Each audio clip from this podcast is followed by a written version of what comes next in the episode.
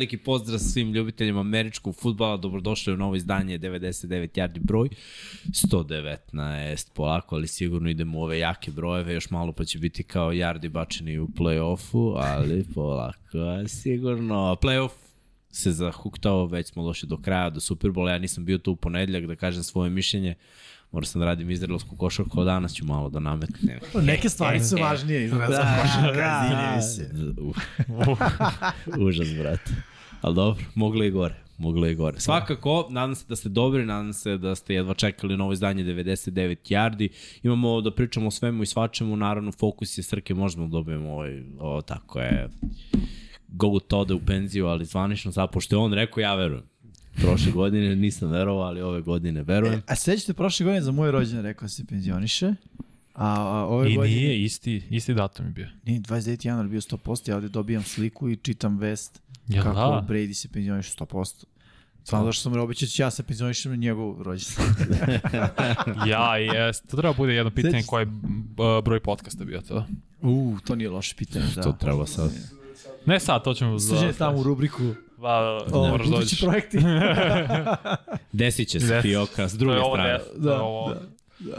A, da, ali u svakom slučaju Brady sad, sad je definitivno otišao penziju. Da, Mislim pa, da nema... Gledaj, dovoljno, dovoljno je bilo, dovoljno je prošlo situacije što se tiče osvajanja timova mislim da, da je to sada već jako teško u NFL. Ovo je bilo okay. isti scenariju, ista ekipa, slična priča, slaba divizija, slaba konferencija manje više. Mislim, moglo da se ode daleko do play-offa. Da su bili zdravi, da su imali neki plan.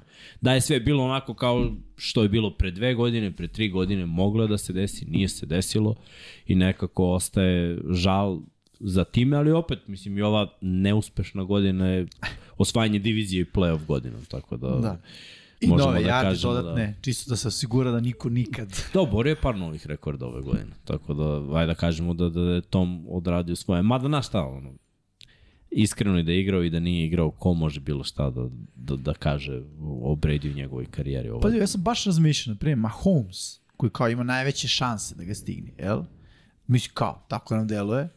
Brady ima sedam prstena, tako. Znači, mm -hmm. ono, koja je šansa da Mahomes sedam godina za redom igra Super Bowl i osvaja Super Bowl. Ajde, ako ga osvoji ove godine, znači treba mu još šest. Mahomes sad ima koliko? 20 i...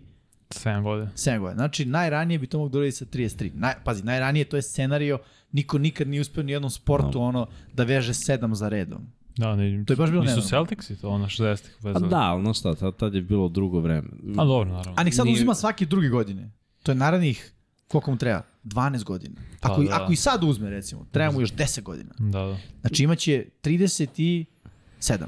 Tako sad no, ima 27. Mislim da, da su ovo neki naš neoborivi rekordi koji ono, kad se postave, to je to. Mislim, ovo ti je kao Jerry Rice koji je postavio rekordi. Mislim, nikad nećemo videti hvatača koji igra 20 godina i stigne njegov rekord. Da, da. Znaš kad je Larry koji hvata sve, ima tri sezone bez ispuštene lopte, nije ga stigo.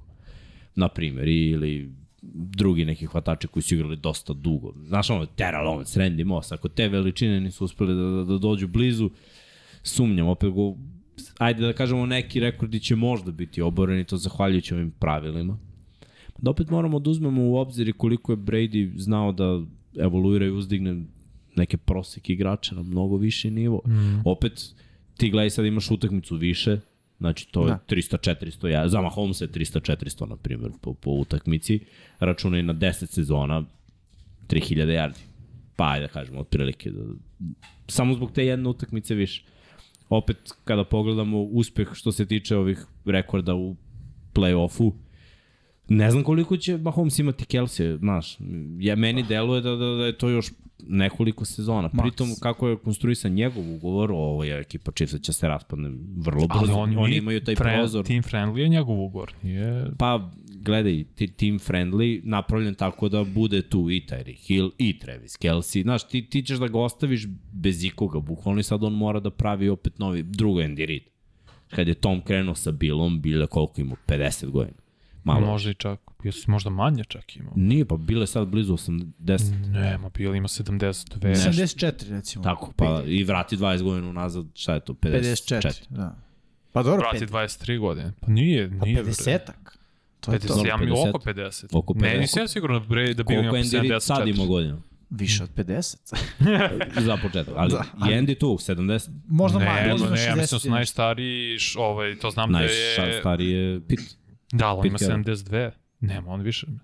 No. Znači, A tu su Pete Carroll i, i Belichick su godinu za godinu. Tako Da. je, da, da, da. A Andy Reid je kao mlađi mnogo. A njih. sad ću baš da ja vidim mislim da je Andy Andy Reid ispod 70 sigurno. O, ima, Pa dobro, ima, mislim, ima ja to- ja sam 60. to grubo Ja mislim da ima ali- možda 63-4 Sad ću da do vidim. 5. Evo Vanja, dokle, dokle proveri. Ali da znam što možeš da kažeš, upravo si. koliko da, može da. da, da, da, bude trener? Šta još, 10 godina? Da mu damo, 64. 64. Da mu damo 10 godina onako. Pozdrav za Jimmy iz Brazila, piše Fly Eagles Fly. Pozdrav za, za mene iz Brazila, Fly Eagles Fly. Fly. Ej. Sledeći, sledeći, ne, to je petak, di- sledeći, di- pričamo o tome. Srećan. Dobro. Dobro, ali postoji neka, kažem će još 7 godina da vodi Andy. I to je tih 7 da veže svake godine. Da, to će biti, to će biti baš teško. Mislim, znaš šta, nikad se, nije, nikad se nije desilo, ne kažem da je nemoguće, ali mislim da je talent takav i mislim da, da u sportu u Americi više nije kao što je nekad bilo, da, da favorit može da opstane dugo. Pogledaj ove najjače franšize, u svakom sportu. To je samo, naš, ko bi Shaq su pali, evo ti Golden State je delovo kao ono, osvojit će sve. Biće skupa Non-stop. pet godina i osvojit će, nije se desilo. Mislim, Petrioci nisu osvajali uvek, čak i ono najbolji tim koji je ikada bio sklopljen njihov, nije osvojio zapravo. 2007. Da, m- mnogo je bilo ekipa, eto, i za Chiefs smo mislili, ok, osvajaće. Jedan Super Bowl. Bili u dva. Evo sad, da kažemo tri sa ovim ko, Mada koji pet finala predstoje. konferencija, ono, tu su. Pa dobro, ovi su bili u 11. Pa da, ovi su 7 za redovnu vezu, 8 zapravo. Mislim, znaš šta, i opet koliko su uspeli da osvoje od toga, šest, i, preteško i to na koju foru. Da. Da kažem, koliko su tih Super Bowlova osvojili ubedljivo. Pa svaki Koliko Super bilo- Bowl je, nije svaki Super Bowl je bio, imao game winning drive, Brady, bukvalno. Pa, Svakom dobro, ajde da Super kažemo protiv Ramsa, tu nisam uopšte sumnjao da, da će ta- taj meč je bio grozan za Ramsi, ništa nisu Ovi radili novi, da. Da, ali ono sve pre toga je bilo ili field goal, ili neko čudo, ili, Ili drive, ili ceo, da. Pete Carroll Da. i Russell Wilson, znaš, uvek je bilo neizvesno. Znači, dosta stvari se i poklopilo mogla da se desi. Mi čovjek je bio u 10 Superbola. Ajde da kažemo i to. No je stvarno. Znači, da, da bi osvojio sedam, moraš da budeš onako prilično učinkovit. Da. da. Od 10. Čekaj, Na ajde, 70%. hoće krenemo od prvog. Ajde samo pokaži na statistiku cele njegove karijere. Samo Da. da, da iščitamo, jer to Napravili smo stvarno... nekoliko da. stati, e, statistika, bože, grafika o Bradyu, naravno, ovaj čovjek to, to zaslužuje. da napravimo grafike. Dakle, može samo po tebi. Klikći. Ovo je cela karijera Da. i brojke. Ja mu vidim od kamere, ali... 7 puta Super Bowl šampion. Da kažemo da nijena franšiza nema sedam. Znači Ne. dve franšize imaju šest. Tako je, Pittsburgh i New Patriots. New England, Da. da. Pet puta je bio Super Bowl MVP. Dva Znači, puta dva nije, puta jednom je bio Jules, drugi put je bio Dion Branch. Da. Da. I to su bile ono monstruozne partije, njihove zaslužili su da budu MVP. Tako je. Tri puta je MVP NFL-a bio. Dva puta ofenzivni igrač godine, jednom je bio povratnik godine. Dobro, nije puno propuštao, nije mogao da, bude... s- Za ovo MVP da kažemo samo da je uvek bio kandidat da bude MVP. Da. To je ono, Može u poslednjih nekoliko sezona pa i nije. da, ali bio je deset puta ono, Sigurno. glavni kandidat i neko drugi uzme umesto njega jer je više dosadan Brady jer je stalno ono, u priči Da. da. da bude MVP. Tri puta prvi tim All Pro, tri puta drugi tim All Pro. 15 puta Pro Bowl igrač. Znači, ono, dve trećine karijere. Si u Pro Bowlu. Izabran za NFL, NFL tim decenije 2000-ih. Izabran za NFL, za NFL tim decenije 2010-ih. Znači, dve dekade je obeleži. Izabran To za su- NFL tim veka. To su, to su dve cenije. Dve. Decenije, da, i onda stotkica. Za NFL tim veka. Najviše pobjeda za quarterbacka u istoriji NFL-a, 251 pobjeda. Najviše bačenih touchdownova u istoriji NFL-a, 649. Najviše bačenih yardi u NFL istoriji, 89.214. Vanja je imao baš jednu zanimljivu uh, uh, stvar kad, je- kad smo danas pravili plan oko, danas, pre Da. tri dana, pravili plan oko toga kako ćemo da prezentujemo Brady-a i baš si uh, fino to istakao kad si rekao, on bukvalno njegove karijere može se podeliti u neka vrsta, da kažemo, tri segmenta, tri dela, kao tri Mhm. karijere od po sedam godina. Pa tako je, zašto 2001. to je 2000. prve godine kad je igrao nije igrao, de facto. Ruki godinu, 2008. je propustio celu zbog povrede i ako te dve oduzmeš 21 sezonu je igrao, pa 7, 7, 7. Tako je Da. bilo Da. logično.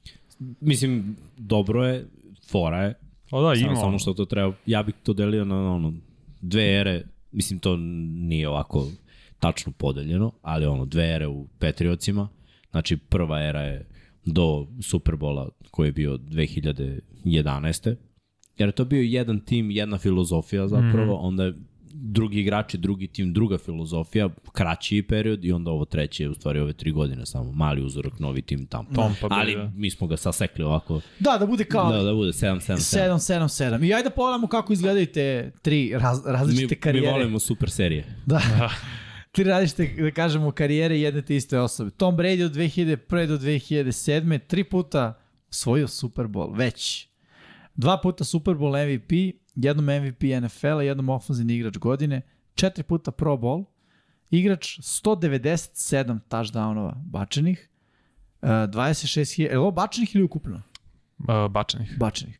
Da, mislim kao da se nešto natrčao, ali dobro, nije, imao je po neki. Ovo može ima po Hiljadu za karijeru. Da, jardi trčanja. I 26.364 prebačene jarde. To je bio taj prvi segment njegove karijere, ono kao dobar dan, izvolite kako se zovete, ja sam Tom Brady, došao sam u ligu i ovo ću da uradim u prvih Da. 7 godina. Ne, ali bilo je, znaš šta, bilo je stidljivo u početku. Ta prva godina je bila defanzivna godina sa njegovim dobrim odlukama. Mislim, solidno je igrao u prvoj godini. Misliš na godinu kad je zamenio Bledsoe? Pa da, i kad je završio. I kad Da. su, i osvojio Super Da, da. Druga godina je bila baš drugačija. Znači, velika razlika je tu bila veći broj yardi, više dodavanja za touchdown. Uh, Više su se oslanjali na njega. Odbrana i dalje bila tu i bila je dominantna, ali nekako je on već preuzeo odgovornost tu. Mislim da je bio stavljen u dobru situaciju već. Ekipa je oko njega bila maltene ista i ono, back to back osvojen Super Bowl. To je tada bilo u NFL-u normalno da kažemo su Cowboysi to radili tamo polovinom 90-ih, pa Broncosi ponovili krajem 90-ih i onda Patriotsi odradili back to back početkom 2000-ih. Nakon toga nije bilo back to back. Pa samo su oni Do uspeli još Patriotsa jednom. opet, da. Baš, baš redko kad se dešavalo. Znači tu se već videlo malo da, da se menja američki futbol. Uh, Već 2005. kada su igrali protiv Eaglesa u Superbowlu, to je bila totalno druga priča i ta ekipa je već onako bila vođena od strane Toma Brady. Tada već mogu da kažem da je odbrana bila u drugom planu. Znači, za koliko? Za četiri godine franšiza se totalno podredila quarterbacku, za, koga, Ali- za kojeg nisu verovali da bi mogao da, da bude toliko spreman da igra u NFL. Pa 199. pik, to i govori. Mislim. A, ali se teo sam da kažem, uh, jeste fokus na njemu, slažem se u potpunosti, ali odbrana je bila dobra. Pre svega je Beličik ništa defanzivni ne um. uzimam, ništa ne Da. uzimam od odbrane, sa, samo toliko je on izrastao u igrača. Znaš, ti, ti imaš ekipe koje su osvajale s istim quarterbackom, gde, gde, gde quarterback zapravo uvek imao ovako jed, jednu ravnu liniju što se tiče produktivnosti. Misliš na quarterbacku je Baltimora, na primjer. Pa, Koji su osvajali. oni su uvek bili i ispod. Ispod, to da, je. da, pa mislim, moramo da budemo realni. Bilo je Yes. ekipa koje su, znaš, osvajale, ja, ja, na primjer, pogledaš karijere, ajde da kažemo, Troja Aikmana, koji, kada pogledaš se u istoriju NFL-a, on je dobar quarterback, a, ali nisi od njega očekivao mnogo. Mislim, ta ekipa je grindovala na ofenzivnu liniju da, i najbolje da, running backa tako svih je. vremena, čiji Da, da, da. rekord isto nikad neće biti oboren i okej, on je povezivao i radio posao. Sad u jednom trenutku da je on podigao na viši nivo igru, ja mislim da su Cowboysi mogli da isto osvoje u njegovoj eri pet komada, ali oni su nastavili da rade iste stvari i posle promenili malo filozofiju čitavog tima. New England je promenio filozofiju okrenuši se, ok, ne možemo stalno da osvajamo kao odbrana, da bi osvajali, jer se menja američki futbol, potrebno je da quarterback postane nešto što nikad nije viđeno pre. I, mislim, ili viđen u tom trenutku Joe Montana koji je svojio četiri, koji je bio onako klač u pravim momentima, koji je imao dobrog running backa i dobru odbranu i Jeste. dobre hvatače, ali ovo je salary cap era i bilo je ok, ajde da vidimo da li ovaj momak može da uradi nešto što je njegov idol radio. I ono, nismo vidjeli to u prvoj godini, delovalo da bi moglo da bude u drugoj, već do pete godine je bilo ok, ovaj čovek radi sve to. I onda smo došli do krune ov- ovog prvog dela, to je ta 2007. godina, mislim sezona bez mm. poraza. Dao si mu hvatača broj 1 i, znaš, dobio si Tad je bacio 50 touchdownova od ovih 197. Da. Te Gledaj, mogo je i više, nego su oni stvarno sprdali na pola utakmice. Jeste. Stvarno je delovalo tako, ja se sećam te sezone, mi smo tad tek bili zagriženi, Da, da, oprema da. da. je tek stigla u Srbiju. Znaš ono, mi smo tada, tada nam je futbol ovde bio svetinja. Znaš, ono, toliko ložane mlaćenja po blatu, ovako, razumeš, sa gumom za zube, odjednom stižu kacige, stiže shoulder pad, mi gledaš svaku tekmu. Šta god, na CD-u da dobiješ celu sezonu, celu da. sezonu. Bi pu... da. Skupljamo se i gledamo utakmice, razumeš, kojim god danom, nije, nije bitno, treniramo kao ludi, razumeš i gledaš tu dominaciju Brady i u fazonu si, Mislim, ja sam bio u fazonu, ne gotivim ovog lika. Nisam meni ja volao. Nisam ga volao. No, Bio dobar. Kvariše igre, brate. Bukvalno, nije fair, cheat je, brate. Da. Da. Nije, nije, neću to, razumeš. Čekaj, mala digresija. Je slažete da su Ramsi te 2000 početkom uveli polako u NFL-u ofanzivnu ligu? Jer to je Pa da, bio The Greatest jeste. Show on Turf. Jeste. Tada predvođen Kurt Warden i svim ovim Mislim, gledaj, hvatačima. bilo je toga i pre, samo su oni te 2000, kraj 90-ih, početak 2000 je bio poseban prvo zbog tih trfova, jer toga nije bilo pre, arene su krenule, mm. ni toga nije bilo pre, promenjena su neka pravila kako bi se ubrzala igra. Znaš, i nisi mogao da očekuješ da će biti ofanzivna liga pre kad nije bio holding, defanzivni pass interference i to, i onda su ubacivali te prekršaje i nekako su, je liga krenula da naginje više ka napadu, zašto? TV prenosi, kinta, Atraktivnije. Znaš, atraktivnije, više poena i onda Dobro, kad... pre toga je bio atraktivnost, je, je, su bili udarci. Da, Yes. I onda su skapirali da može biti vrlo atraktivno i potezi čovek koji nosi Tako loptu. I, I zbog toga su, Remsi su pogodili s talentima. Mislim, oni su sklopili ovaj tim, nisu sve izabrali. Marshall, uh, Marshall Falk je došao iz Kolca Da. I to je bio onako pun pogodak, jedan kompletan Kurt back. Warner je plus, došao tako je, iz supermarketa u Evropi. Ono. Da, ali se, dobar je bio sistem, dva dobra hvatača i, i nekako, mislim i ta odbrana je bila dobra. Jeste, da. I, znaš, kad pogledamo od njih je krenula ta evolucija, ali New England nije evoluirao do te, da kažemo, 2007. Do godine. Randija. Sve je to bilo okej, ali ti kad pogledaš hvatače, hvatačke opcije tih godina kada su osvojili tri Superbola, mislim, Dion Branch je samo vrhunski hvatač u New Englandu. Da, da. I on, i on je imao, znači, u Superbolu on je bar MVP bio protiv Phil. Ali to, to je bilo ono, svaka lopta koja ide ka njemu, on je svaku loptu uhvatio, napravio dovoljno dobar potez da osvoji novi prvi down. Nije to bilo toliko splashy kao kad je bio Randy Moss. Mislim, Randy Moss ono pada sneg, igraju protiv Buffalo, ovaj šikne post, on trčka i ono, dva lika mu iza leđa, ono, da. jednom rukom. To, to je, znaš, ono, ponižavanje lige, ta, tako je to izgledalo sve do Superbola, ka- kada su naišli. Šta se tu desilo? Pa znaš šta, šta se desilo? Dobro odbrana. Dobro Dobro odbrana. front seven. Uh, nisu mogli dovoljno vremena da kupe i Patriotsi nisu dovoljno poentirali. To je u stvari. Znači, cele godine su dovoljno poentirali i onda jednom nisu. Odbrana je cele godine zaustavljala sve. Prošlo je nekoliko pleva koji nisu smeli da prođu. Znaš, se isto sećam od te sezone, e, Coltsi, regularni deo sezone, to je bio čupav meč. Sećam ga se jer smo do tog momenta uh, svake nedelje na kladionici igrali New England sa hendikepom. I tu smo odigrali, tu smo failovali. I svake, godine, svake nedelje sve što dobiješ uložiš opet, uložiš opet. Delovo da to neće pući, nema šanse. Znači ono, ovi idu, ovo je perfect season 100%, osvajaju Super Bowl i ovo je najjača priča ikada, ono, koji ćeš čuti. I to je protiv kolca bilo čupao, možda su i dobili možda tri ili četiri To je razlike. bilo u finalu konferencije ili su Ne, ne, ne, igrali protiv Chargersa u finalu sezone je bio. konferencije? Mislim da je bio regularni deo sezone. Evo, U svakom slučaju, ovo što kaže Miksa, Giantsi i nemogućnost da postignu toliko pojena koliko su inače postizali. No. I Mislim vidi, da i onaj, i onaj play, mislim, nećemo svesti utakmicu na jedan play, no. ali ono Eli se izloči iz seka, Mm, bukvalno, baca u onom njegovom stilu, ono, počeci, No. ono, bacim, žmurim. e, hvata- taktike, Tyreek, da, Kacigu hvata na kacigu, ono, protiv Rodnija Harrisona. Mislim, i koji- Harrison ga u- je uštupovao. čupa, znaš. da, čupa loptu, sve, ali ne može. Prosto, neko je rekao, ono, scenarij je nabio da. napisan, ste čitali on zarije ja, na koliko su jaki Twitteri, ovaj tweetovi na to Ja, bili. ja inače ne mogu da verujem da je to realno, mislim da je to neki, ono, da je nešto... Sam mislim ja da je sarkastično rekao, ali šta su Da. ljudi radili? Mislim, to je njihov prvi izgubljeni Super Bowl, da. kažemo, 2006. Colts su otišli, osvojili. Uh, Super Bowl ovamo 2005. su Steelersi, peto na šestu. Tako da ono, AFC je imao u tom trenutku nekoliko dobrih timova koji su bili spremni da, Da. Preotmu Super Bowl Patriotsima, ali te 2007. je baš delovalo, bit će oni. Mislim, i opet Giantsi su imali, nama delo onako, imali su jako dobre hvatače. Jesu. Te, te, te godine. Imali su napravljen tim ko- koji je mogao da, znači, dobro trčanje, dobro u ofenzivnu liniju, Trčanje je bilo brutalno. do, dobru defanzivnu liniju, Ilaja koji povezuje sa dvojicom jako dobrih hvatača. Mislim, Yamani Tumer i Plexico Bures su, su, su jest. bili ono, na, na visini. Pa i za- Tyri, mislim Tyri Da. kao ta treća opcija, ono. Bilo, bilo je okej. Okay. Mislim, to je bio jedan veliki fail za, za New England, ali opet su nastavili da, da grade I vratili su se u Super Bowl opet protiv Giantsa, tad je Ruben bio tu, sećam se, Da, da, da. gledali smo.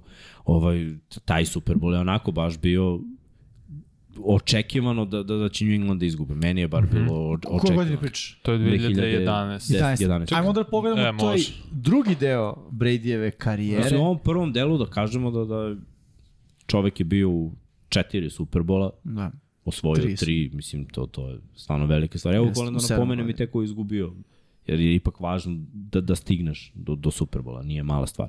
I u play-offu uvijek si bio eliminisan, ako si bio eliminisan od ekipa koji su ono, stvarno ozbiljne ekipe. Jer moramo da budemo svesni u tom trenutku AFC-u stvarno je bila i Pittsburgh je bio preozbiljan tim. Jeste, znači jeste. Big Ben je već kao mlad uzeo jedan Super Bowl i da znamo istoriju te franšize, kolci sa Peytonom mm. Manningom. Mislim, to je uvek bilo klanje Brady, Manning, Najveće A mi, rivalstvo. mislim da je da, bukvalno najveće rivalstvo.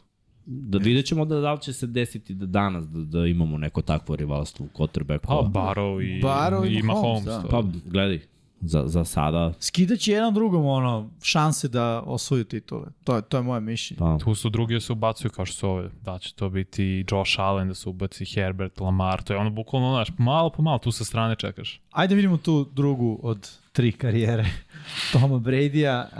Uh, u tih drugih, koliko je, šest godina, tako sada? Sedam? Sedam. Sedam. Jedan Super Bowl je osvojio, uh, u njemu je bio i MVP, bio je MVP uh, NFL-a, bio je jednom ofenzivni igrač godine, jednom povratnik godine, to je nakon one povrede mm. ACL-a.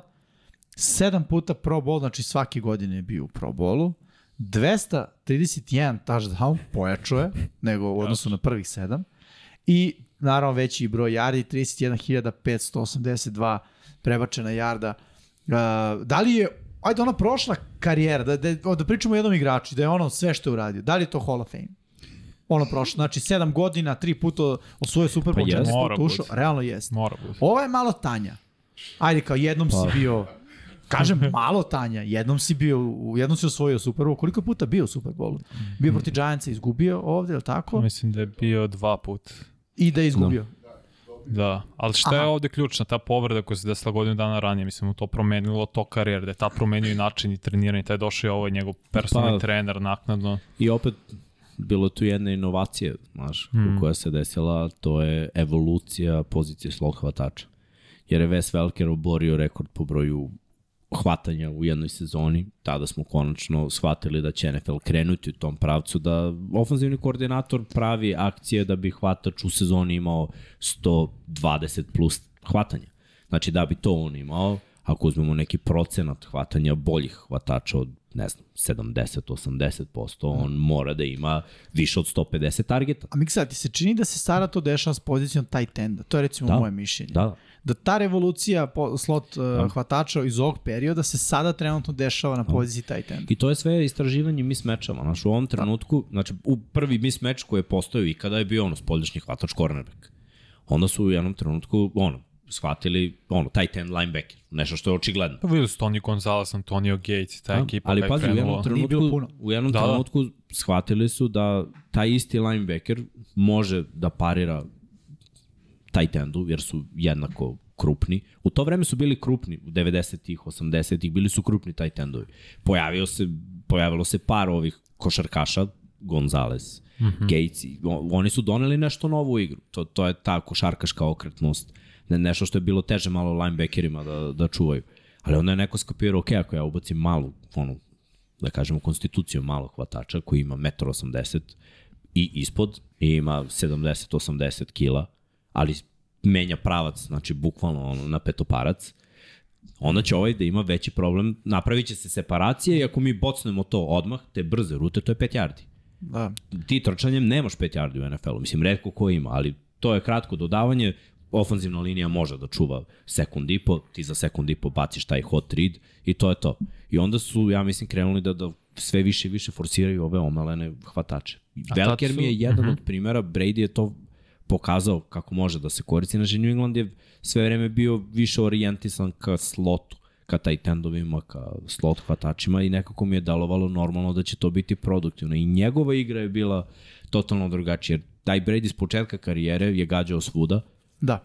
Brady 2007. je forsirao Randy Mossa s polja, ali više nikad nije imao hvatača kao što je bio Randy Moss s polja. Naravno. Do kraja svoje karijere on nije imao osim Majka Evansa, Da, hvatača, približno. pa da, koji je ono klasičan wide out. A ne, Edelman je slot. Sve su to slot Da, hvatači. da. da. E, ali pazi, tad je bi, tad se završavao vrhunac što se tiče NFL-a, realno pozicija running backa. Oni su od nekih početkom 90 čak i ranije do da kažem 2006, 7, 8, 9 bili konstantno i u priči za MVP-a, tad je bio i Sean Alexander, Ladanian Tomlinson, dolazio Adrian Peterson, ali je polako bilo sve manje i manje onih najboljih i da se, da se liga vrti oko njih. Pa da, Promenile su se i šeme, izvini, miks šeme blokiranja. Znaš, mm -hmm. ranije si imao dosta ljudi na liniji skrimidža, tim 90, imao si fullbacka pozadi i onda si mogao dosta da radiš pulove, da radiš te powere, countere. Spread je postao nekako, Tako znaš, ono, da svaka ekipa teži tome da ode u spread, jer ako nisi otišao u spread, smatrali su da si Igraš dinosaurus. old school futbol, Znaš, da. ono, I onda dobijaš otkaz kao trener, tre, ako nisi uspešan. Nekako je poenta svih bila doubles. Znači, doubles je formacija da je jedan tight end i tri hvatača. Znači, uglavnom su ekipe, ono, 90% ekipa izlazila u toj formaciji, s jednim backom. Znači, ono, single back. Eventualno, ako je full back tu, to je ono short yardage, to su situacije, pa taj full back uđe, koliko procenta po utakmici imaš situacije kad imaš ono treći, Sada? drugi, pa Ma. ne, u, u ono vreme, u ono vreme je bilo sad, sad redko koja ekipa ima Da, fullback, da. ali čak Tada i u ono više, vreme da, ali- bilo tipa 30%. Ma ni toliko. Znaš, i baš je bilo, mogu si da naboriš fullbackove kao, kao i sada. No. To ja se jednom sećam Lorenzo Nila. Bar zato što Pa da, igrao u on je, bio, on je bio uspešan, ali Da. bilo je timova koji su forsirali si, da, da. fullbackove i koji su forsirali taj, taj način igre. Odjednom je bilo, znaš, i lakše i bolje da koristiš svoje skill igrače. I New England je krenuo to da radi. Pritom su krenuli da koriste setove s dva tight enda. To je nešto što, što Da. nisu svi radili. To je bila inovacija Ali to je onako Englanda. bila inovacija. Znaš, Hernandez i Gronk Da. sa još jednim hvatačem koji je isto okretan, znaš, napraviš trips, napraviš bunch ili ih raširiš ili napraviš ono off balance formaciju gde dva taj taj da staviš na jednu stranu, da nemaš predstavu da li će jedan da ostane, da, da li da ode. Onako, baš, baš je bio problem za, za defanziciju. Mislim, sve je to i deo šeme i deo sistema, ali na šta trebalo i bocnuti to kako treba. E, i ne samo to, i, i zna se, mislim da je Brady aktivno učestvovao u ono, kreiranju akcija, pravljanju plana, napada i ostalo. Uh, I ja mislim da upravo zbog te povrede kolena koju smo spomenuli, je New England se okrenuo toj igri bržih paseva. I druga stvar, ovo što je Miksa rekao, ono, ok, pre je bilo ključ napada i ono, kralj svega je 3 yardi po, po, po nošenju. Trčanje 3 yarda, 3 Mhm. puta, 3 puta po 4 downa po 3 yarda, ti imaš 12, svaki put imaš novi. A onda su odjednom promenili, uveli kraće paseve za 3 plus yardi. Zašto plus? Zavisi yard after catch, koliko ćeš osvojiti, ali 3 sigurno. I skapirali da se Kotarek oslobađa lopte za ono sekund i po, kao Brady, dva. I tad je Brady, čini mi se, napravio isto pomak u tom releasu, koliko se brzo... On je, kako je karijera išla dalje, on je sve i brži brži bio u momentu uh, koliko da, koliko loptu može brzo da da izbaci, odnosno koliko traje ceo taj, ceo taj potez. I onda to, sa tim ide u priču i to. Kao slot hvatač, logično, kraće putanje od quarterbacka do slot hvatača, odnosno pas koji baca, nego ka, ka broju 1, koja god je ruta u pitanju, ovo je brže, bliže je. Pritom je I taj ten takođe. pritom je dugo bio u ligi, znaš, ti imaš ono, pre-snap odluku. Ti ponekad možeš da doneseš na osnovu pozicioniranja odbrane, generalno, ono, pre-snap. Vidiš, otprilike, može da se promeni odbrana, zna da prikrije coverage, ali u principu za slota možeš da izbaciš loptu odmah. To je A- Peyton ako- odlično radio. Pa i, i Tom i mm. Peyton su to radili odlično. I to je u principu uvek tu. Znaš, ti ne moraš da prepoznaš blitz, ne moraš da prepoznaš šta, šta rade safety, ali dovoljno da ih podeliš. Znaš, koliko ih ima na ovoj strani, koliko ih ima na onoj i da znaš. Slotovi uvek imaju te opcije. To je, ono, za quarterbacka i hvatača jako važno da budu na istoj stranici. Da dobro pročitaju coverage da se on otvori, jer ti možeš da pivotiraš i unutra i iz polja. Ili možeš da ostaneš u mestu. I onda mi često uvijek pričamo, a pogrešio je quarterback ili ne mora da znači. No, samo nisu sporazumeli. Možda ovaj video jedno, ovaj video drugo. Da. Ali nekako je Brady sa Velkerom, bar i kasnije sa Edelmanom, uvek bio na istoj stranici. Baš su bile redke te greške u, u čitanju uh, rupa. Kao na primjer sada što imamo Kelsey i Mahomesa. Mislim, Da, da, njihovo prepoznavanje protivničkih zona, ja kažem, Kelsey je igrao quarterbacka, Edelman je igrao quarterbacka takođe i, i on zna koja je rupa u određenoj zoni i tačno zna u kom trenutku treba ono da podeli rastojanje između dva defanzici, samo da stane tu. I to je to, quarterback sa, vidi gde su, ti si stao ide lopta, to je sekund i po dva, to je hvatanje. Evo koliko je Kelsey ubio u ovom playoffu na šta uhvati loptu za 3, 4 do 5 yardi, onda se pivotira, okrene i to je 7, 8 ili 10. To isto radio Edelman. To, to je neka evolucija. Mislim da, da su ovi košarkaši, taj tendovi i mali slotovi napravili jedno potpuno novo čudo u, u NFL-u i omogućili da. u stvari Brady da, da ono, skapira igricu. U ovom trenutku kad smo u ovim godinama već, Peyton je već bio na zalasku karijere, ako govorimo u velikim quarterbackovima u AFC-u ostaje samo Big Ben. Tako. Big Ben je osvojio 2008. Od tada Pittsburgh da kažemo, nije bio preterano u priči do ovih posljednjih godina sa Antonijom Brownom i Levianom Bellovom, to je samo jedno finale konferencija. Zapravo su dva puta igrali finale konferencija protiv Baltimora. Oni su im zapravo uzimali skalp Tako, je, jedne godine su pobedili na field goal, promašeni Baltimora, druge godine su izgubili. I, i ono, nisu imali pravo konkurenta. Kolci su bili sa Andrew Mlakom, mlad tim. Da. Nisu oni bili neki faktor tu. Pa Denver, tu. pa tada od 2013. do 15. Pa Denver dolazi, da. tako je, te tri godine dolazi do izražaja zapravo, jer te 2013. Peyton Manning imao statistički najbolji napad ikada. Jest. On je oborio te rekorde Jest. me, ovog Brady i Ali pazi šta je sve trebalo, šta je sve trebalo da se desi, da Denver ima onu skockanu ekipu, mm -hmm. vrhunsku odbranu i da Hvatače. Peyton Manning ne igra godinu dana zbog operacije vrata i onda da oni kažu ok, ajde da probamo. Ono, naše staro, dobar quarterback, dobra odbrana i dobar trener, Pozemni pa da probamo. quarterback. Pa da. Dobra odbrana, da. I, i gledaj, prošlo im, mislim, Jest. odradili su posao. Te dve, tri godine oni su bili Mislim i 2012. su oni takođe, oni su izgubili od Baltimora tad na Mile High ja, ja. te godine. Pa sledeće godine su ušli u Super Bowl, Seattle ih očepio. Uf, da, da, da baš bi, bilo neprijatno. Ono, bilo, bilo je par godina gde je delovalo, uh, znaš, ne znam da li će Peyton uspeti. Mislim, da. trebalo mu je vremena sa, sa istom ekipom, koja bukvalno se, ono, epizodisti su se menjali, ali glavni igrači su bili tu. Trebalo je vremena, ali šta su oni uradili na kraju? Jedan Super Bowl su uzeli. U dva, je tako? tako je. Tako znači, u celoj ovoj eri, jedan je uzao Baltimore, Pittsburgh nije uzao ni jedan, Jed, jedan Denver. je uzao Denver. Denver je uzao jedan. Dva, Seattle? Ne, ne, mislim NFC. AFC. Da, da kažemo aha, da kada gledamo AFC, da, da. kada gledamo pravilno pa konkurentskim su Patriots uh, igrali, to je to. Ne, ne, AFC, AFC. Samo gledamo AFC, konkurenti njegovi. Pa zar ne, uh, igrali su Steelers i Super Bowl protiv Packersa, zar ne? Ali da, nisu uzeli. Nisu uzeli, ali da, ne, su došli do Super Bowla, pa to, to, to. Saintsa, Tako je. Nije se desilo, mislim. Da. Ali, znaš šta, ba, baš je bilo onako u AFC-u, se toliko namučeš da prođeš njih, i odeš u Super Bowl i on... Sakat. Nije ti ni zagarantovano da ćeš da osvojiš. Da. Znači, to je kao ove godine malo priča Kansas City. Znači, prošao si kroz AFC, delovalo ono kao, znaš, prošetao si, mislim, Fila se prošetala do Super Bowl. Gle, Kansas City, oni izranjivani, pa baš ulaze u Super Mislim, dobro, to možda bude i dobro, ne mora da znači da neće, ali većina ekipa je morala da prođe protiv New England da, da bi, otišli, da bi otišli u Super Bowl. Tako je.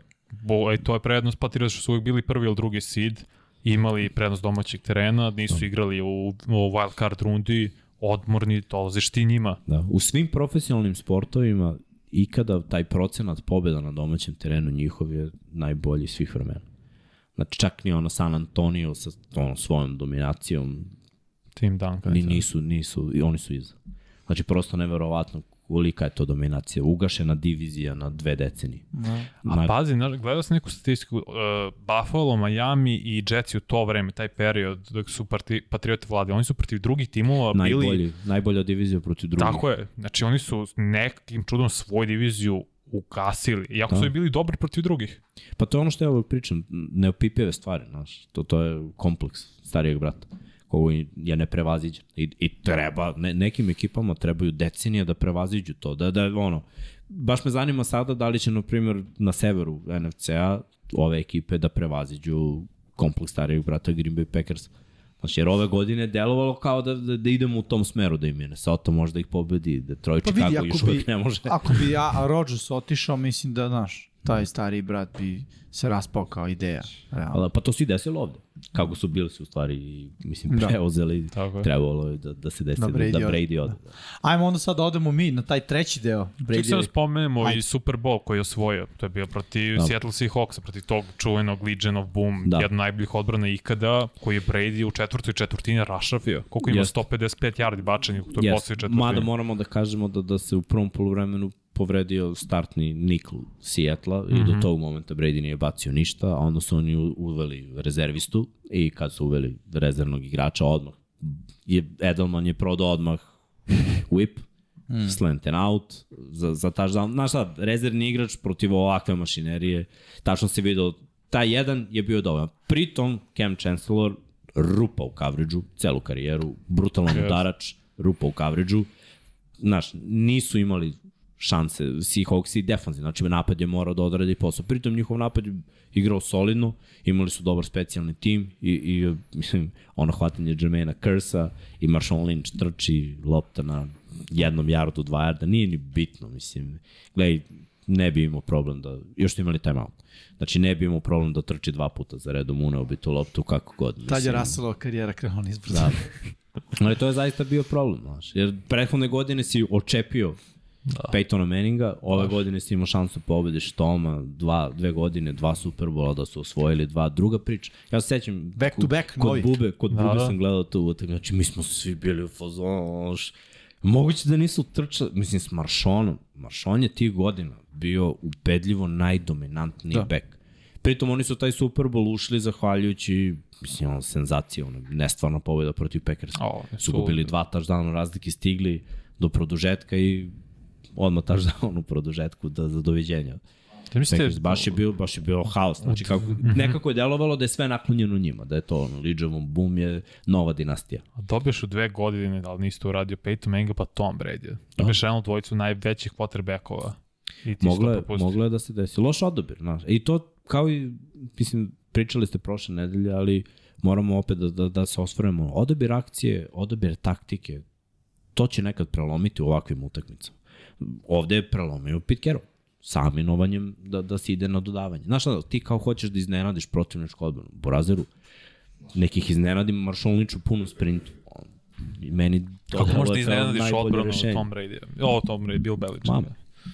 Ne znam, znaš šta, bukvalno ne znam šta da mislim, osim da, da su se Petriovci tu provukli, kad su to osvojili, delovalo mi je okej, skinuti taj neki maler, nakon ono dva Superbola koji su izgubili i ovo će sada ponovo biti ona ekipa. Delovalo već ono mi- miriše, Edelman se pojavljuje tu kao igrač, uh, Danny Amendola, pronalaze neke, neke nove šeme u napadu, igraju malo drugačije, odbrana opet dovode, znaš, dovedu Derela Rivisa, koji je ono, najbolji cornerback. Ja sam vidio da je bilo u fazonu, kao dovešćemo ovog i ovog i ovog i imamo to i bit ćemo na, na vrhu još nekoliko godina. I tačno si znao da ono što sledi u, ovom trećem je da će sigurno ući u Super Bowl još nekoliko puta. Pritom Pittsburgh ima ove usijane glave, Baltimore odradio smenu generacija, kolci su se raspali, Andrew Luck je baš bio i isprebijan tih godina.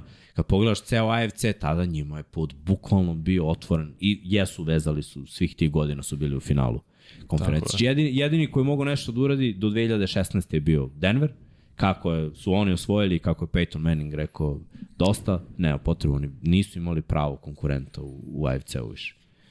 Tačno. Eto. Ajde imamo taj treći deo karijere. Još jedna Hall of Fame karijera. I dalje isti čovek. Od 2016. do 2022. Tri puta Super Bowl šampion. Dva puta Super Bowl MVP. Uh, jedan put uh, MVP NFL-a. Četiri puta Pro Bowl igrač. 221 touchdown, 31.186 yardi za Toma Brady-a. Suludo.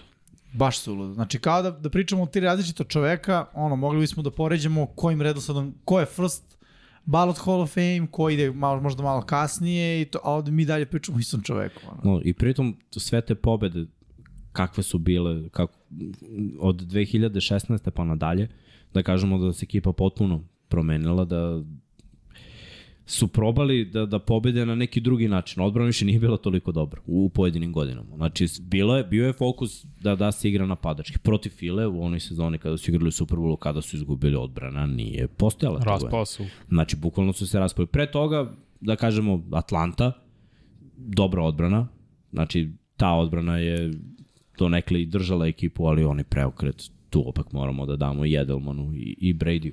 Tu smo videli dva možda i najbolja hvatanja u Super Bowl istoriji. Prvo Julio Jones, ono, na sideline-u, pa posle Edelman, što je bukvalno sa zemlje izvukao loptu. Da, da. Da kažemo, Super Bowl protiv Ramsa, to je odbrana odradila svoj posao. Nije, mislim i odbrana Ramsa je rad, radila posao, ali nisu mogli da čuvaju Ali Gronka. rutinski Bilo je privedeno rutinski, kraju, da. To, jer opet, to je bila old school utakmica. Mislim, utakmica koju Patriotsi znaju da igraju, a Ramsi nisu znali s obzirom da su oni napad koji ono leti, postiže dobro. mnogo poena, bili I- su bukvalno zatvoreni, igrali je bio povređen. Tako je, i McVay, njegov sistem koji je do tada bio potpuno nov, sistem, na, mislim nov, nov koncept, ideja kako igraju, je bio pročitan strane Beličeka, znaš. Mm. Beliček mu je tada u Super Bowl dao odbranu koju on nije video. Da. Mislim, i bili su da nadjačani. Znaš, oni su ofanzivno bili pretenderi. Nisu naleteli ni na, ni na silađisku ekipu. Znaš, Patriotsi su im Samo samo... sa Chiefsima su igrali, to je bilo 100 Ali- poena. ali To je bilo Chiefs. 51-45, ono, Da, ali to, vatromet. to nije silađiska ekipa. Chiefs su Nije, isto, da. ono, Oni su mekušci. bili rupa u odbrani, da. Da, znaš, igraju mekan. Znaš, ja se sećam protiv Ravensa prvih š- sedam drajeva, sedam touchdownova. Mislim, trčanje, ono, pa pas, pa, pa ne možeš da odbraniš. A de, ofanzivno ne možeš ništa da uradiš, jer dobiješ batine na liniji skrimiča. Te kasnije su oni počeli malo tu ofanzivnu liniju i počeli da igraju neki futbol, ali zapravo nikad nisu bili fizikalni futbol. Gurley je radio posao, odradio neku statistiku, ali u play-offu kad je trebalo da, da bude tu, nije bio tu. Petiroci su s druge strane igrali te godine fizički futbol. Igrali su fizički futbol protiv Atlante. Imali su u ovim sezonama onako, da kažemo, više fizikalije nego finese. Igrači su baš falili, znači opcije su bili šta, Edelman, Danny Amendola, Po malo ovaj Gronk. Lacrosse, kako se zove, Lacrosser ovaj. Da, tight end. La, Ne, jest? ne, hvatač poljašnji, 15-nica, što igra Lacrosse, što je došao iz Bills. Hogan. Hulk. Tako je, da. Hogan. Hulk. da. Nije Hulk. Chris Hogan. Šta je bilo Hogan. cross sada? Chris Hulk. Ne, Ne, on je pre- igrao na koleđu.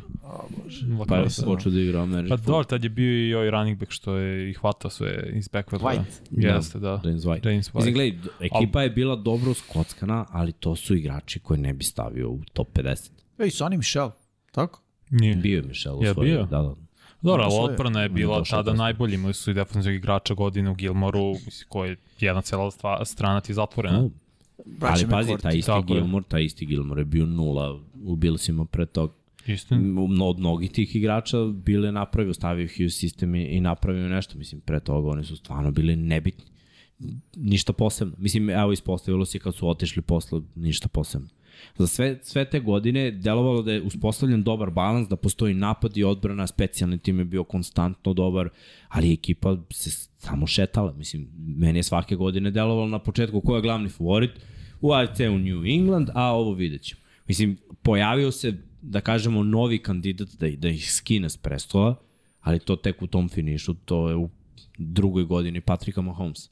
Jer do tada su Kansas City Chiefs i delovali kao, ok, moglo bi da se desi, ali se nije dešavalo jer Alex Smith imao svoj limit na jugu, šta su bili, ko je bio prvak Texansi sa Billom O'Brienom, mislim, da. do, od toga tek ništa nismo očekivali i ono na severu Steelersi koji hoće, hoće, ali neće. Mi, mislim, Yes. ta, tako je to delovalo. Znači, bukvalno da, da ono, New England ima obezbeđen Super Bowl, pitanje je samo koga će da vide s druge strane. I veliki uspeh za sve ove godine dok je on bio tu, čak i ovoj posljednjoj kada su ušli u playoff i kada su ih Titansi 2019. Opet moramo da kažemo kao malo slabija sezona, ali ekipa se baš raspala te godine. Jeste. I oni su opet igrali playoff kod kuće. Mislim, naleteli su samo na ekipu koja u tom trenutku je ono, bila u piku kao ekipa koja igra drugačije, ono, sileđijski futbol i mi ćemo tako da, da probamo da osvojimo. To je bilo 14-13 do poslednjeg drive za Titans i Brady je bacio pick six, ono bukvalno poslednjim sekundama i tako se vršio meč. Ali te godine hvatači su bili baš loši. Edelman Grozno. A napad je bio baš loš. Znaš, jednostavno nije moglo. I opet Brady je tražio godinama da, da se nešto desi po tom pitanju, ali znaš šta, mislim da je ekipa bila u fazonu, ok, do sad si pravio od ovih hvatača, nastavi da radiš to i dalje. Mislim, malo je bilo i nezafalno i kao da su se za, zasitili u svih tih uspeha. Ja mislim da je Brady već neko vreme želeo promenu scenarija, da se malo opusti i da, ono, da počne da se igra. To je da, priča, da, da, to je I, priča. I da mu je zato trebala ono promena. Mislim, gledaj, i Gronk se penzionisao takođe, treba i to da kažem, bio izubijan, polomljen. Meni je mirisalo da će Edelman to da uradi, jer stvarno je delovalo I on da je i on izubijan. Njihov stil futbala je takav da ono, s- svako to hvatanje za 3, 4 do 5 yardi, koje menja trčanje, Košta. se završi obaranjem. Znaš, Mislim, pazi, e, menja trčanje u smislu uh, izvedbe akcije, ali je rezultat isti, ono, uđeš u gomilu i dobiš udarac. Nije kao loket. Uhvati, padne i to je to. On igra s polja. Znaš, lako je kad uhvatiš comeback, curl, znaš, te rute, slant, tu imaš vremena da odreaguješ. Kad radiš option rutu u zoni, znaš, može da se desi, evo, kako vas dvojica sedite, razmak u zoni je ovde gde sam ja. Evo je lopta, vi ste tu za manje od sekundu. Znaš, ono, svi očekuju to, ta rupa postoji, svi su svesni te rupe i ja kao ofanzivac i vi kao defanzivci, mislim. Svaki defanziva zna koje su rupe u svakoj zoni koja se igra. I samo je pitanje vremena kad će da, da dobiješ udarac. Tako da ono, delovalo mi je malo da, da je Brady već bio u fazonu ok, treba mi bolji scenario. Mislim da ne bi tražio bolji scenario da su oni pre nego što je postao slobodan agent produžili ugovor. Mislim da bi rekao ok, ostaću ovde i opet bi imao neki tri, ja opet moram ga pohvalim, on stalno imao team friendly ugovor. Jeste. Da, on da. je bio najplaćeniji quarterback par puta samo u svojoj Možda i jednom je bio samo. To je smešno. Da. Svako drugi je gledao dorobi banko, on je uvek bio u fazonu, ok, ajde da pojačamo tim. On Mislim, je i to pokazao govori malo formulu. njemu. On je pokazao formulu kako da se igra. Kako Ali mo ko da ne imaš... pokazao? Ko sad radi tu formu? Niko. Niko. dalje. Da. niko nije je to prihvatiti. Poenta Da. da. u stvari uzeti kintu. Tako. Mislim, i opet on je bio samo uveren da može ovo da radi 20 plus godina. I radi je. Danas, ja mislim da, da je redko ko u fazonu da to radi 20 godina. Znaš, mislim da su svi u fazonu, ono, odigraću desetak i onda ću da razmislim. I za tih desetak, da kažeš da ti je, ako si pik prve runde, 4 ili 5 ruki ugovor, i onda dobiješ novi ugovor na koliko? Pet 4, godina. pa dobro, 4, 5. Znači, znači, zapravo igraju za dva naredna pa, ugovora. da. znači ti maksimum igraš za, za dva ugovora. Brady je razmišljao drugačije, Brady je razmišljao da, da imam sledeći ugovor, pa sledeći ugovor, pa sledeći, mislim čovjek nije stao dok nije prešao to kad je prešao u Tampu. Mislim, meni je delovalo da, da će preći u Tampu jer je Tampa imala dobru situaciju, prvo Florida, porez, drugo rasterećenija priča sa Bruceom Ariansom, treća hvatačke opcije jer su Gadvin i Evans imali preko 3000 yardi I kombinovane te sezone. penzije. Onda je namamio i Gronka da se vrati, bio je tu i Braid, bio je Jay Howard, ofanzivna ofanzivna linija je bila sklopljena. su tad i Virsa Da, i... odbrana im je bila brutalna i mislim da nije bilo Jamisa Winstona i njegovih 30 interceptiona, oni ne bi imali skoro 8-8, ušli bi u playoff verovatno. Ajde da kažemo još jednu stvar, i Fournette je došao u Tampu Jest. pod uticajem Brady. Tako je. Mislim ono, Damokon Su, Da? takođe, produkt Da, Brady-a. jo, jest. Jason Pierre-Paul, siguran sam, na polovini sezone, ali, znaš, Pazi, odbrana je bila tu i godinu pre, ali su konstantno bili na terenu zbog grešaka Winstona. Jeste. Veliki broj izgubljenih lopti. Mislim, odmah se sve to promenilo u prvoj sezoni. Pritom ta divizija je bila, da kažemo, divizija Saintsa. Oni su ekipa koja je vladala, mislim, po mom mišljenju Saints su ekipa koja je trebalo da osvoji par puta i kada su Ramsi ušli u Super Bowl da igraju protiv Patriotsa, trebalo je da uđe New Orleans. Mislim, bilo je onako tih krađa ko- koje za mene su onako To oni baš su trebali protiv Fila da igraju isto. One godine, u finalu konferencije, kad je bio mine one čudo u Minnesota. Da. Dobro, ne, ali gledaj, čudo Minnesota je njihova greška, nije bila sudijska greška, Ne, ne, bila je igračka greška. Ne znam, ne pozvati pass interference kada je ono očigledan pass interference, to je sudijska greška, znači to nije fair. Ti ako promašiš tackle ili napraviš glupost, ne završiš utakmicu, mislim, to si ti uradio. Živiš tim, mislim. Ili ako si napravio prekršaj pa dobiješ kaznu, kao što je, na primjer, sad bilo s Bengalsima. Mislim, napravio si grešku, dobio si kaznu. Niko ne može da kaže da nije tako. Tako je. Nećemo da pričamo o tome, ali da da neko ne svira nešto što je bilo očigledno. Mislim, nešto što u ostalom imamo priče koliko o Brady, o Takrolu, da, da. o svemu tome, da, znaš, i tu su sudije malo promenile istoriju. Yes. Ali ovde smo došli do sezone u Tampi gde je se on, da kažemo, prošetao u regularnom delu, osvojio diviziju, što se pa, A nije nije, nije osvojio lagano, diviziju, nije da, Saints osvojio. osvojili diviziju. Tako je. Nije bilo lagano od Nije. početka. Dva šta? poraza od New Orleansa u diviziji. Da, ono, trebalo je, ali o- opet sezona je bila s dvocifrenim brojem pobjeda. Trebalo je vremena da se on malo uigra sa ovim ljudima koji su morali da skapiraju da on nije čudotvorac. Ja mislim da je to. Mi smo pričali o tome, ti ja naročito. Što ono, Evansu i Gadvinu je došao Brady i kad im Brady baci loše ili ne pročita dobro njihov govor tela na početku sezone, oni su uvek bili u fazonu, ma be, mislim, naravno će kažeš, Da, ma da, be, preveliki kada ba- respekt. Znaš, ono, baš je preveliki respekt. A Brady u fazonu, ono, neko kome treba da, da bude na ravni. I, I mislim da je to jedino imao s Gronkom. A Jedino dobro. Gronk mogu mu kaže ono, te bra, Ali zato Promašio je, si. su i tradili za Antonija Browna, jer AB je igrao u Patriotama godinu pre koliko je odigrao par mečeva, ali je našao neku konekciju s njim i Brady je insistirao da traduju za, ili to je zapravo u tom momentu da dovedu Antonija Browna, koji igrao je dobro. znaš zašto? Zašto mu treba slot. Da. To je, znači Brady je znao šta hoće. Tight enda, play action, slota i dva spoljašnja hvatača, nešto, nešto što mu je trebalo. I u momentu kad su proradili, to je baš delovalo kao, kao da će da prođe. Namučili su se protiv Washingtona u play-offu. Sledeća utakmica, pa To je bila jedina muka, bukvalno. Taj vaš. ja mislim da je da. Da, to Saints su bilo. bili onako Pa dobro, nije lagano. bilo, nije bilo lagano ni protiv Green Bay. Nije, Bilo je ono, grešaka. Ali su je kontrolisali sve vreme da. dešavanja, realno. Protiv Saintsa su imali, mislim, vrhunske intervencije, osvojene lopte, znaš, Videlo osvojiš se. dve lopte, na protivničkoj polovini daš dva touchdowna, mislim, Da, da. ti si manje više. Drew Brees je bio ono gotov kao Pa. quarterback. To bi si bio spreman da se penzioniše. Penzioni su se nakon. Da. No, mada nisu sve bile njegove greške. Nisu, ali neko govor tela i- to, otprilike to je bilo to, dobili su ih dva puta, nisu amo, otišli su u Super Bowl, u Super Bowlu su igrali protiv Chiefsa koji su ih očepili u regularnom delu sezone, Da, gde je Tyreek Hill imao 200 yardi za četvrtinu. Ali znaš šta, odbrana im je ono, zapamtila to. Odbrana je Tampa je odigrala taj meč kao ni jedan drugi meč u sledeće tri godine. Taj meč kako su odigrali, ja mislim da, da su odigrali pola od toga u sledeće dve sezone, bilo bi nešto dobro, se ali više nikad nisu Formula, ono, četiri rush, ne više od toga, i dva preduboka safety, ono. Ali linebackeri su sve stizali, yes. što se tiče ovih trčanja Lavonte Mahomesa. David i da. Devin White. Znači njih dvojica su lateralno, bukvalno, taj bes, ti udarci, to, to stizanje, sve. Znači kad god Mahomes pobegne tom rašu i ode s polja da baci nešto, linebackeri, znači ono, su bili tu. Nikad neću zaboraviti mi pas Mahomesa iz skoka u vazduhu, da odo loptu od koliko 40 yardi u end zoni i oj ne uhvati čovjek. No, Da. Znaš šta, ovaj, mislim da, da su Chiefs u tom trenutku bili malo i nadmeni. Da su mislili, ok, već smo ih rešili lagano, rešit ćemo ih opet. Ni, nije se desilo. Mislim, stvarno su pocenili, odbranu znamo da im je bila šuplja odbrana, bilo je samo pitanje, ali kada su oni kao napad stali, e, to je onako. Bio je neprijatan Super Bowl, iskreno. Ba, baš godinu dana pre toga Chiefs su Chiefs branili su igrali lepo protiv 49ersa, bilo je neizvesno, vodili su 49ersa, ali kad su Chiefs ušli u svoj mod, i ovde smo mi verovali kao ući će, Vratit će se. Mm. vratit će se, samo jedan pas, samo jedan Ali nije se touchdown, desilo. nije se desilo bukvalno.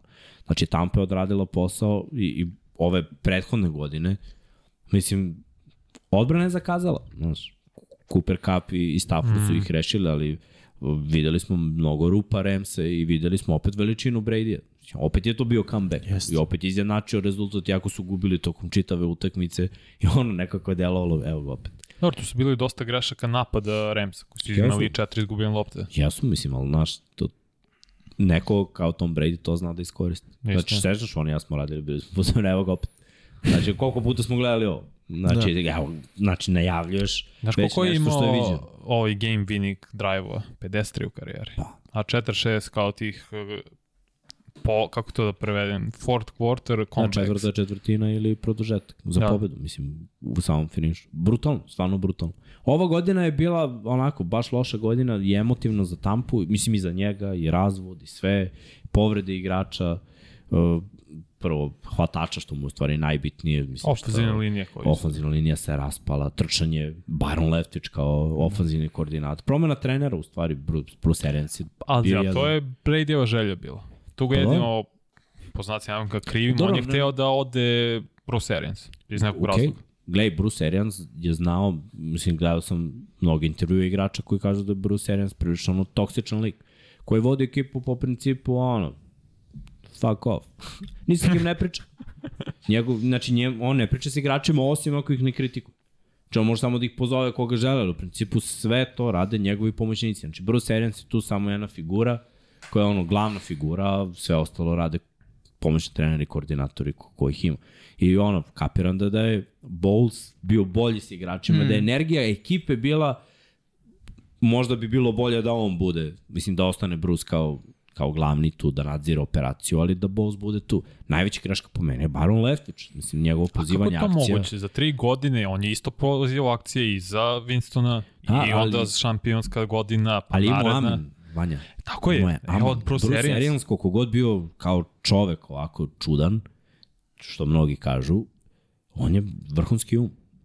Mislim, on ima isto tendencije kao mnogi ti koji vole quarterbackovi i dodavanja da zaborave na trčanje, ali u principu je bio kreator mnogih dobrih napada. Znači i Kolca, i Steelersa, i Arizona Cardinalsa da. u onoj Sa jeri kada su bili uspešni i posle toga, znaš, četiri ekipe je vodio dobro. Znači, sigurno čovek zna šta radi. Ali, znaš šta, ako si toksičan za okruženje, to je taj faktor koji moramo da Pa, uzmemo. ima rok trajanja samo. Da. Kao što Bilo je kažeš, par godina, bilo je super. Mislim, pazi, on je već bio onako na ivici, po mom mišljenju, kada je krenuo da rotira Fitzpatricka i Winstona, ono, Pa on je pre toga bio u penziji. Pa da, i onda se vratio i Stampa ništa nije radila, pa je doveo ono, Toma, pa je bio uspešan i onda sledeće godine da kažemo da je bio malo manje uspešan, jer se završilo ranije, ali već se videlo da, da postoji to neka narušena hemija. I opet, Leftić ove godine, znaš, baš nije odradio posao, Brady nije odradio posao i on je igrao slabije. I tu se tačno videlo, ok, ja mislim da, da on nije za ovaj nivo. Da on kapira da ovo nije taj nivo, da trenutno u NFL-u ne postoji ekipa koja je spremna da ide do kraja, gde bi on mogao, gde fali tipa samo quarterback. Pa San ne postoji. Ne, play action, roll out. Nije to za njega. Jer razumeš, njima ne treba to. Oni hoće drugu priču. Oni hoće quarterbacka koji može da rola. To, to je Shanahan. On je već probao Shanahan s Mattom Ryan. I nije mu to to. Znači, ne treba Da, mu... nema što da... Ne treba mu takav quarterback. Trebamo quarterback koji kad izrola i kada to nije to, jer on uglavnom ima dve ili tri rute, jer ima heavy protection i zagriženje jer je ono heavy run.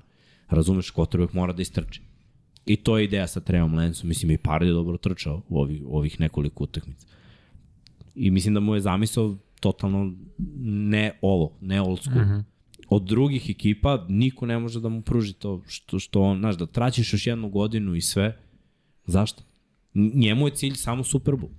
On Pa čovek da, igra i- za Super Bowl. On je verovao da Tampa može s istom ekipom, s istim okruženjem, s istom hemijom, znaš šta, sa konekcijom, s istim ljudima da može da osvoji. Nem, ako nije uspelo, znači uspelo je jednom, pa nije dve godine, to je to. Da. Htio sam da kažem i mislim, setimo se, on se prošle godine penzionisao, znaš. To je isto, što znači da je on, ako ništa imao razmišljanje o tome. A ono, ima izreka koja kaže čim počneš da razmišljaš o tome, to je smer u kome trebaš da ideš. Jer, ono, znaš, ne, nisi posvećen 100%. I Brady nije delovao posvećen 100%. I ove godine uh, game plan je bio loš, ali delovalo je kao da je on, ono, hoće da baca loptu, znaš. Gubimo, ne trčimo, mučimo se s nekim osrednjim ekipama, a vezi ja bacam loptu. Ono, 50 puta po tekmu, 45. I ono, zabavno mi je. Mm -hmm. Sad, meni lično, kao timu, a, vidjet ćemo, možda bude, možda ne. Da, i na kraju se nije desilo, ali opet kad pogledaš osvojena divizija. Da, Znači, ne, ja mogu bila, da, je, bila je relativno uspešna sezona. tako je, mogu da kažem da nije protraćena sezona. Nije ono što su neki pričali, vratit će se i bit će potpuni fail. Nije bio fail, mislim, realno.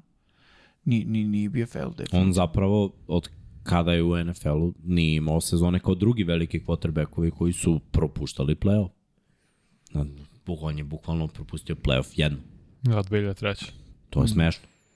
Za 20 i kusur godina da propustiš playoff jednu. A igrao si da kažeš ono, Da. protiv dobrih ekipa. Znači, sad smo rekli da je ta divizija njihova isto KFC-a imala najbolji prosek u svih drugih divizija protiv drugih ekipa. Samo nisu imali rešenje za New England. Teo sam da vas pitam, uh, koje su vam zanimljivosti iz Bradyjeve karijere, onako će vam zauvek ostati memorisa. Šta god je u pitanju, meni recimo neki njegovi citati, tipa ono, koji ti je omiljeni prsten sledeći. Mislim da je to, Mm. mislim da je to bukvalno ono antologijska rečenica koju sad koriste svi u svim sportovima. Uh, to je sada mindset. Znaš, to više nije kao cool da se kaže, to je sada mindset. Ono, zacrtaš sebi da ti je sledeći koji ti je omiljeni trofej, prsten, kako god da ga nazovemo, da ti kažeš sledeći. Jer ono, u fazonu završena je ova sezona, ali ja već razmišljam o, o narednom. To mi je cool, što se tiče Bradya. Cool mi je ono kao kada pogledaš, recimo, uh, hoću da vas navedem smer u kome sam ja razmišljao, pa da vidiš kako vi razmišljate. Uh, video sam skoro kao koliko je dugačka njegova karijera, ono, Troj Polamalu je draftovan, odigrao 12 godina, tako, indukovan, osvojio Super Bowl, indukovan u Hall of Fame, Brady je još igrao. Znači ono sve, igrao je pre njegove karijere, igrao je celu njegovu karijeru, ovo je osvojio Super Bowl, ušao u Hall of Fame, Brady dalje igra. To mi je ono, Da, evo, veliki srđan kaže, grafika kako se menjala u video igricama ono, u Medenu, od da. kockastog Brady-a do ono, Brady stoji ispred tebe lično. Da. Ili imate vi tako neki moment? Meni je, znaš šta, najveći utisak jer nikad nisam vidio nekoga ko je takav saigrač. Ni u jednom sportu.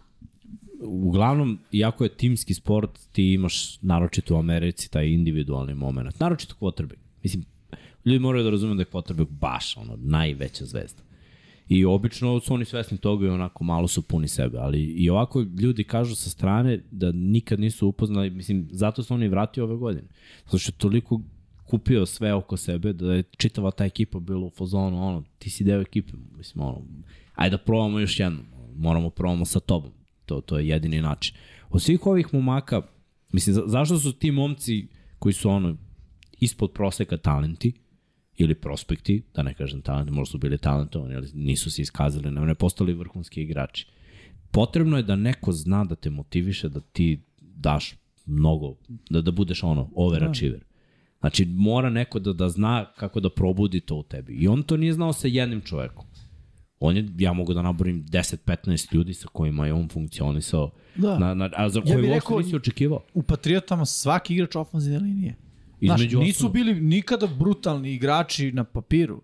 Da, imali su i brutalnog bili... trenera ofenzivne linije, on je čak bio s Patriotama mm, skoro svake godine. Ono, treba ti nekad neko, znaš, kao i kad si hvatač, znaš, treba ti quarterback da ti veruje, da ti baci loptu, da ti kaže šta da radiš, da, da komunicira s tobom. S druge strane, odbrana, treba ti da kad ti zaustaviš, da znaš da će ti izađe ovaj ludak i da da poene. Znaš, da, pritom, koliko puta smo videli, ja opet kažem, gledajući taj Super Bowl protiv Atlante i, i njegov razgovor, sa svim igračima na sideline. To je nešto što dobijaš od Brady-a i mislim, znaš šta, drugi mogu da ti pričaju to i ne veruješ im. To ti ono kao kad si u, u boksu i dobio si ozbiljne batine u prvoj rundi od tvoj trener, kao imaš ga maću.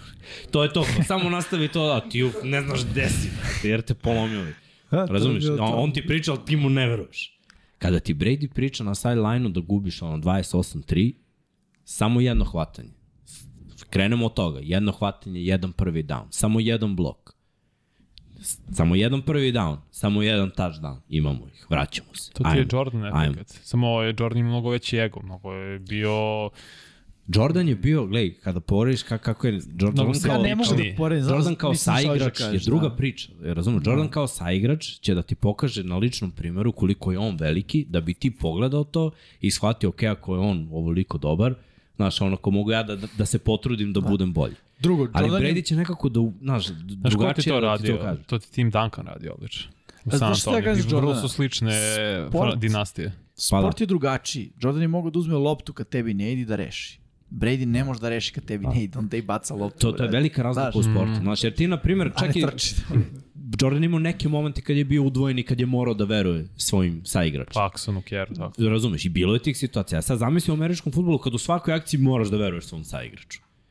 I da ga motivišeš kapiram, kapiram. da ono, ne, mora, ne može da igra na tvom nivou, ali ako dobije tri targeta da budu tri hvata. A baš iz tog razloga ne mogu setim jednog baš Bradyjevog momenta, meča, znaš, gde kažeš to je njegov ono meč koji ću pamtiti ikada. Možda protiv Jacksonville u finalu konferencije kad je imao šavove u palcu i on izgledalo baš odvratno, mislim, imao 10 šavova pa su opet pobedili, on je igrao super. Ja nema da nije meč previše. ono, pa da, koji kažeš to je to, možda Super Bowl protiv Atlante ali da je on ono. Mislim da je on toliko, baš zato što je toliko puta bio i u playoff i u Super Bowl i osvojio. Znaš, ti ne možeš, to, to je ono trenutak za nekoga koji je bio nekoliko puta, imao je dve, tri sjajne godine, pa možeš izvojiš jednu stvar, kažeš, e, ovo ga je definisalo, znaš, ono. Od, od, on je postao to što jeste od ove tačke. On, ja mislim da Brady to stvarno nema. Znaš, da li je moment... neki pas njegov, hmm? znaš, ono, upečatljivo dodavanje Brady-a sa kroz karijeru, da je, ja mogu seti neko i kod samog Mahomesa, jer je bilo suludih dodavanja. Ne, ne kažem da Bradyvi nisu, nego su prosto ono, izgledaju jednostavno. Da, Čekam, ali- pap, pap, pap, sigurnost, cepam te po 12 akcija, drive, ide, pap, pap, pap. Znaš, Da, ali Brady ima te, znaš, hiruški precizno dodavanje. upravo to.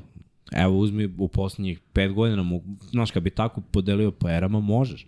U poslednjih pet godina, evo da uzmemo protiv Ramsa u Superbolu, dodavanje za Gronka, mislim, nije bio touchdown, ali bilo na nevici ono dodavanje. Protiv s- Chiefsa, ono, tri puta treći za 10. Finale konferencije 2018. Četvrt četvrtina, kad se rešava. Mogu ta tri dodati, na primjer. Da, mislim, gledaj, dodavanje uvijek ima. I opet, hiljadu dobrih poteza je njegovih. Znaš koliko puta je Brady manevris u džepu i to možeš da uzmeš samo za jednog quarterbacka koji nije pretarano mobilan.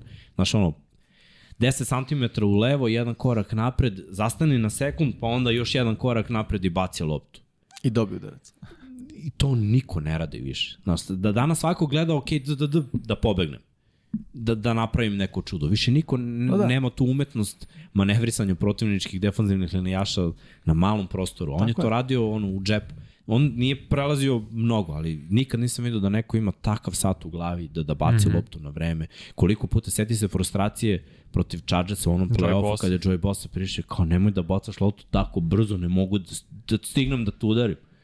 Nije ga ni jednom Nije ga tako. Ni jednom. Znači, jer je svaka lopta izašla ispod dve sekunde. Znaš koliko ti mora da budeš u glavi spreman za taj coverage, da doneseš dobru odluku, odluku i izbaciš loptu za... Lako je baciti loptu za dve sekunde, to može svako. Ali treba je baciti da ne bude interception za dve sekunde. I da ne bude pročitaju. kompletirano. Znaš, Da, da, da. Znači, to, to je nešto, mnogo spremanja, mnogo razmišljanja, mnogo donošenja dobrih odluka i, i iskreno sumnjam da, da, da ćemo ikada videti ovako nešto u ovom sportu. Na što Iako još je najbolje radi. sporta postoji, ja, mislim da se sve promenilo u nekom pravcu, ja pričam da, da je sad sve otišlo u pravcu atleticizma, a ovo je nešto potpuno drugo. Znaš, ovo će biti onako zaboravljen, uklesano u, Ha, u stenu. u bav.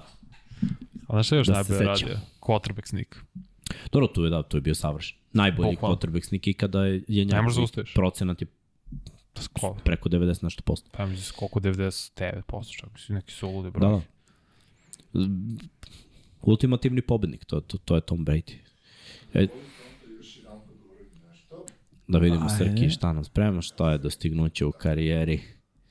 A moramo se oprostimo od čoveka. Inače za 5 godina first ballot Hall of Famer i ono što je obećao Peytonu je da će držati govor duži od njega. Um, šta je meni još jedan moment za Tom Brady, za tu njegovu karijeru? Pogledao sam jedan klip gde je neko na društvenim mrežama kao pričao koliki je Brady ima zemaljac, ono, cheat kod. Sezona 2004. Doug Pederson je backup QB u Green Bay Packersima. Brady igra. Uh, Patrick Surtain senior igra za Miami. Prošle godine i ove godine njegov sin igra uh, u. NFL-u za Denver. Sante Samuel, u tom trenutku je Bradyjev saigrač, ove godine, prošli prepoš Sante Samuel je junior u NFL-u, to sve deca od ovih ljudi, Brady dalje igra no. i ono, beleži brojke kako je beleži. On kao Doug Pederson 2004. je treći QB na depth chartu Packersa na početku sezone, mm -hmm. mislim da je bio katovan, da nije došao do regularnog dela sezone, a 2017. je li tako?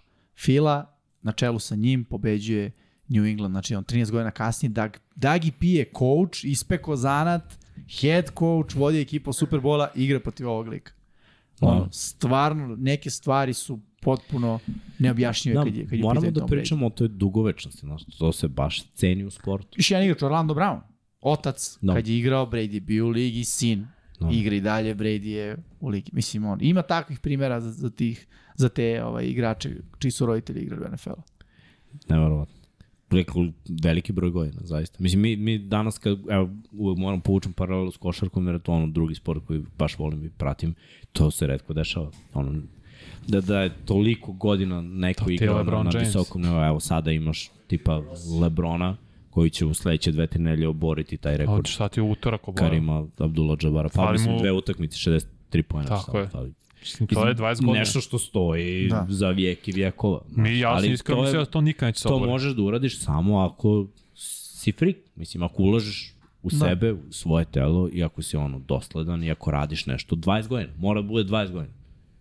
ne, mislim, jako je teško gledati koje veličine nisu uspele. Telo te izda Da, da. da. posle određenog broja godina.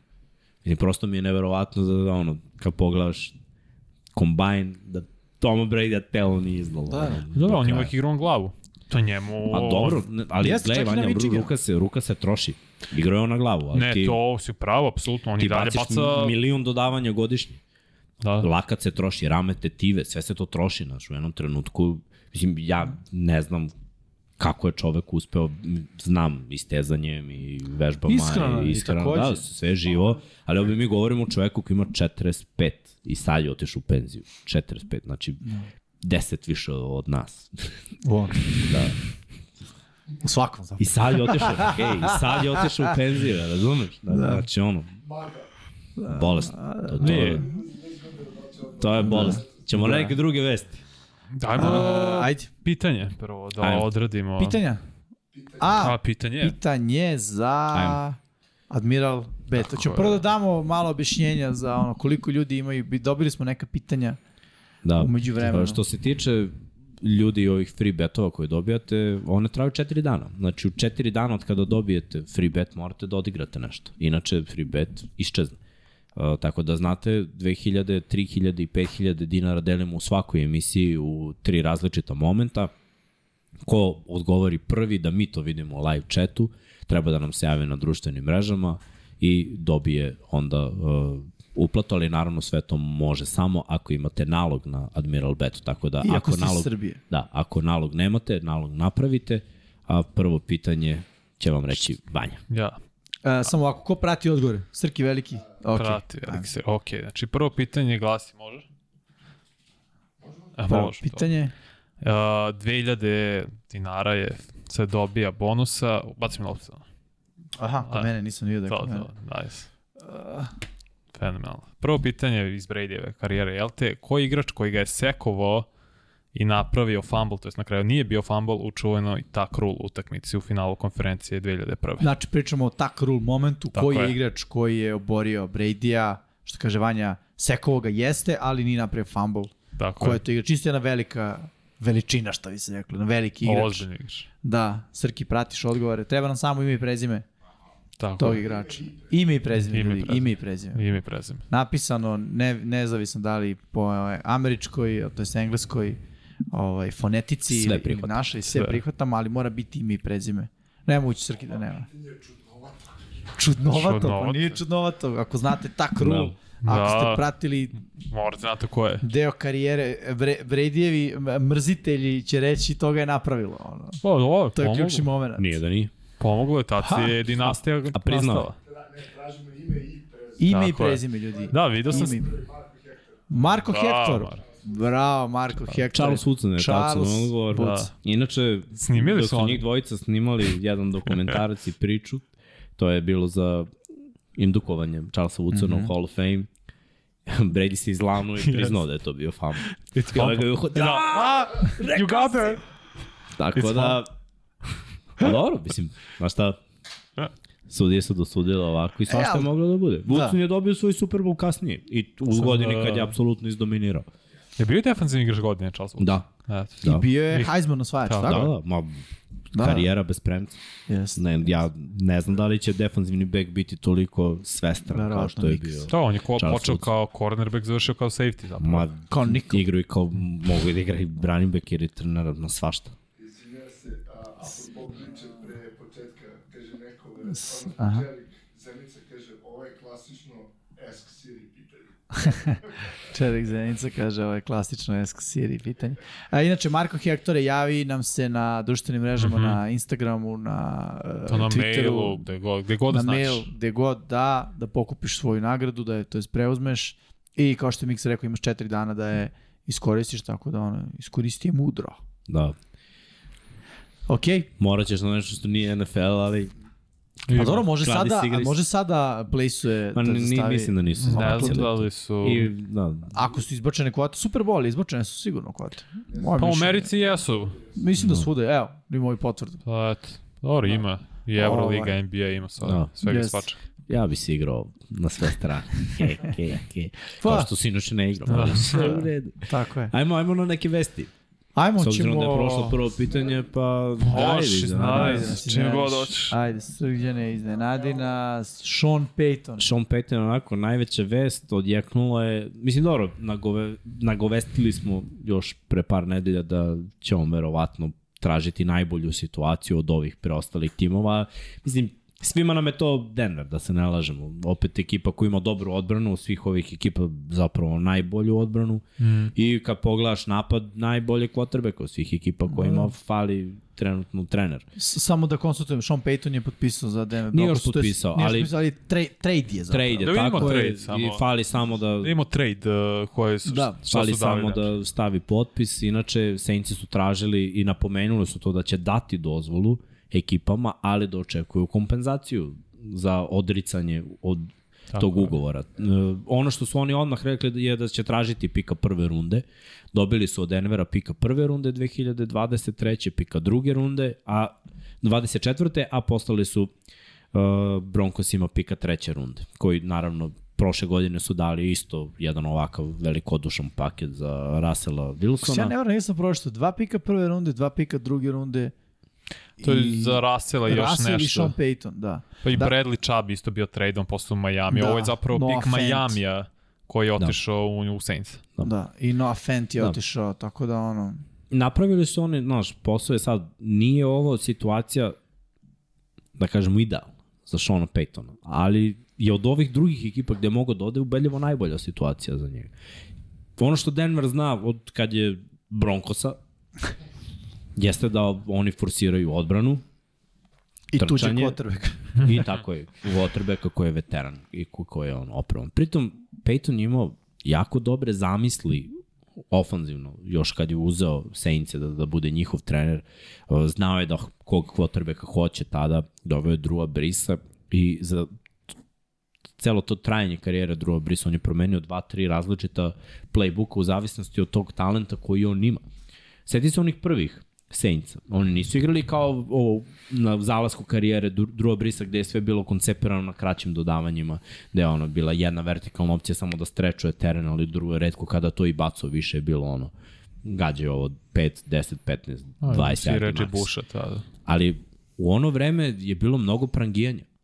I Drew je imao, mislim, pet sezona sa 5000 yardi. Mislim, to, to je bolesno. To je sve produkt dobrih dizajnova ovog čoveka. Igrali su u Saintsi i tada protiv dobrih uh, odbrana. NFL je bio dobar i tih godina. Mislim, on je 5000 yardi postavio kao ono, normalno mi je to u mom napadu u vreme kada se igralo 16 utakmice, kada smo na prste mogli da naborimo igrača kojima to uspevalo. Znači u tom trenutku je manje od pet igrača uspelo da, da baci 5000 Ko je uspeo? yardi. Ta, ta, Tom je uspeo 2007. Stafford, Brady, Peyton, Drew, I posle I- Mahomes tek došao. Mahomes je došao baš kasnije. Da, ali, ali mislim da nije više imao. Možda i nije. Ali kažem, na prste jedne ruke moglo se nabroji. Onda je krenulo ovo, da quarterbackovi prangijaju i da imamo utakmicu više, sad je 5000, mislim. Ako i imaš malo jaču je- sezonu. Pa, Niko nije imao. Mislim, imao je Mahomesa dva puta, imao je Brady prošle, Prošle godine, imao je da. Herbert prošle lakše. godine i to je to. lakše, znaš. Ne, lakše jeste, svakako. Nekada je bilo ono, nemoguća misija, bukvalno. Da, da. S tim što su neki imali ne ono kao da 5002, nego ono 5000 i bahato. Stvarno je bilo, stvarno je bilo teško. Mislim da, da je Sean Payton dobar čovjek za ovaj posao, jer divizija ide u tom smeru. Divizija ide u prangijaškom smeru. Ništa se neće promeniti za Chargers. Oni će i dalje težiti ka tome, do, oni su, to ćemo da pričamo, mm. ali oni imaju svoju filozofiju, to je da budu copy-paste Chiefsa, Chiefs imaju svoju filozofiju da veruju svog quarterbacka i verujem da će Peyton da stavi Russella u dobru situaciju. On je mnogo kreativniji od Hacketa. Hackett je probao da napravi nešto. Hackett nema iskustva da bude glavni trener. Sean Payton, videli smo ono Srki što je pustio sliku od maločas, je osvojio jedan Super Bowl, konstantno je bio u priči za playoff. Nekoliko puta Saints jednostavno nisu imali sreće. Mislim, oni su ušli samo jedan Super Bowl, jedan su osvojili. Mnogo puta su bili u play-offu, mnogo puta su nam bili glavni kandidati tamo u NFC-u da, da urade nešto. Pa, pazi, od 2015. do realno 2018. 19. morali smo spomenuti Saints kao top 3, 4 tim u, konferen u NFC-u kao glavni favorit. Pritom je znao da izabere svoje pomoćnike i to je isto onako dobar kvalitet Seana Paytona. On je onako čovjek koji on je egoista, Uf. V- veruje da je on uvek u pravu da je njegovo najbolje, ali znaš šta, mislim, nije mnogo puta pokazao da nije tako. Da. Uh, opet kad pogledamo trenutno Raiderse sa McDanielsom i da kažemo Broncos sa Seanom Paytonom, to su dve ekipe koje dalje moraju da porade na tome da dođu do tog nekog nivoa. Šta fali Denveru sad kad gledamo? Ja bih prvo stavio ofenzivnu liniju pre svega. Pa da, I sad, Bili su i tu povređivani, čini mi se jesu da, godine. a pazi, Jesu. nemaju vrhunski talent još su povređeni. Pa vazi, ja to očekujem od Shona Paytona, mm. -hmm. da napravi dobru ofenzivnu liniju. Javonte Williams će se vratiti sledeće godine. I bit će ono, Hoće. On je i- ozbiljan trkač i bit će uh, jedna od ključnih figura, znaš. I Hvatači. Russellu Wilsonu to odgovara. I u, u, u Sjetlu je uvek, im, mislim uvek, imao je trkača koji je pomagao. Znaš šta, Russell je malo proradio posljednjih nekoliko nedelja sa Judijem koji nije postojao do tih, po, po mom mišljenju Judy je ono baš ispod proseka do ovih posljednjih nekoliko mm -hmm. nedelja. Tu se videlo, ok, eto, mislim, pik prve runde sa Alabama, konačno. E, ono što je dobro kod Peytona, on zna od tih igrača da pravi vrhunske. Mislim, Michael Thomas je isto bio ono krupan momak koji ne trči mnogo brzo, ima ono košarkašku građu i, znaš, on nije bio ništa posebno. I onda ga je Peyton stavio u situaciju i sa ridovima i sa njegovim rutama da iskoristi to. Šta je trčao Michael Thomas? slant, Slant to je. Slant, slant dig, boy. Hitch, hitch, curl, quick, onaj. come back. To je to. Nemoj da komplikuješ mnogo. Nek, nek, znaš, a sad pazi, Judy, što se ruta tiče, može da trči mnogo više. I Russell baca precizno te dugačke lopte. Tako je. Mislim da da Peyton može da iskoristi ovaj da napravi dobro zna- stvar. Šta je njima loše? Mislim, igra u AFC-u, mislim, moramo budemo svesni da AFC krcat i bit će još bolji sledeće godine. Njihova divizija je, mislim, divizija Kansas City Chiefsa i tako će Yes. biti dok god su Kelsey i Mahomes Chargers. zajedno.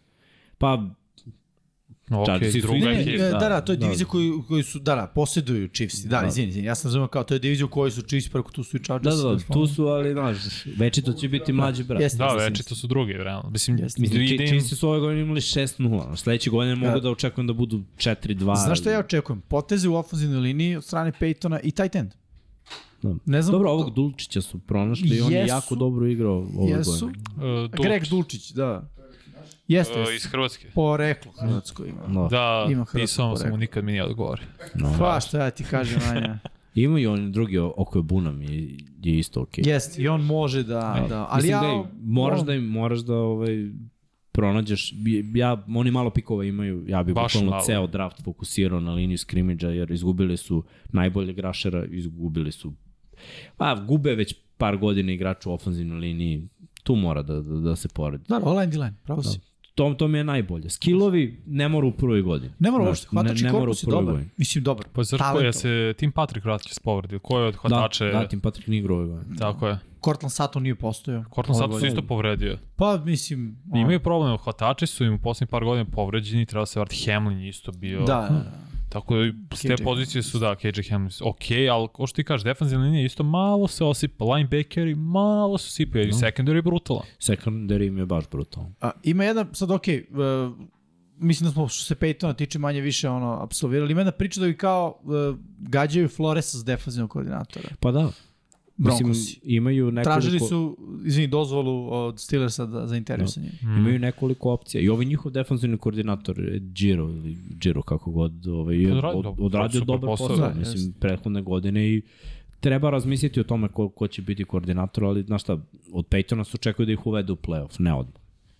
Ne odmah, ali se ne očekuje o, o ovaj raspadu sezone kako su imali ove godine. Znači, to ne sme da se desi. Moraju biti konkurentni i mora da se vidi neki ofanzivni ritam. Ne možeš da budeš najgori napad lige sa Russellom Wilsonom. To je ono, Da. neprihvatljivo. Slažem se. Ja, ja mislim da ne može da se desi da, da to bude, jer Peyton ima svoj playbook koji je ono, oproban sa različitim quarterbackovima. Setite se, Teddy B je bio Bio ok, uspešan. prošle godine Winston bio Winston je bio. ok, mislim, Brice je igrao bez ruke ok, isto, da. mislim, ono, baš je usporio i ekipa je pobeđivala, jer njegova rešenja su jako dobra. On Znači, pravi rešenja u skladu sa onim što ima. da. I to je veliki plus, po mom mišljenju. Mislim da je Hackett imao playbook koji je palio sa Aaronom Rodgersom. No, Znači, nije bio one size fits all. bukvalno. Dobro, ne znam koliko je Hackett učestvovao u samom kreiranju tog ofenzivnog gameplana. To je Da. Lefler uglavnom bio. znaš šta, po mom iskustvu, ako si bio ofanzivni koordinator i postaješ glavni trener, odričeš se samo pozivanja akcija, ali je playbook tvoj.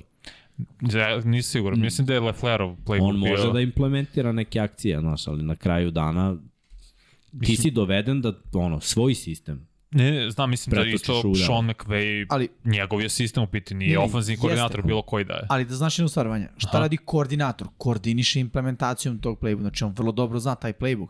Sve ako playbook nije njegov, Uh, on ga vrlo dobro zna da bi znao kad u kojoj situaciji zove akcije mu ili ako posao. ne zove akcije, njegova stvar je instalacija svega E, toga. pa kad je trener kažem. ofanzivno orijentisan. Da, ne, da, zato, da. zato i kažem, sad ne znam koliko je on zapravo i kreirao sam ti, te akcije sve. Ja mislim da je dosta da- Leflera. Ne mora da ih kreira. Znaš, Ne, u smislu nije u da- sistemu ili dve, koliko je već bio, je Mislim bio dve čak. dovoljno je da on taj sistem pri... Mislim, vidi, ajde ovako, ti, e, niko od tebe ne očekuje, nijednu akciju koju si video, bukvalno niko od njih nije izmislio.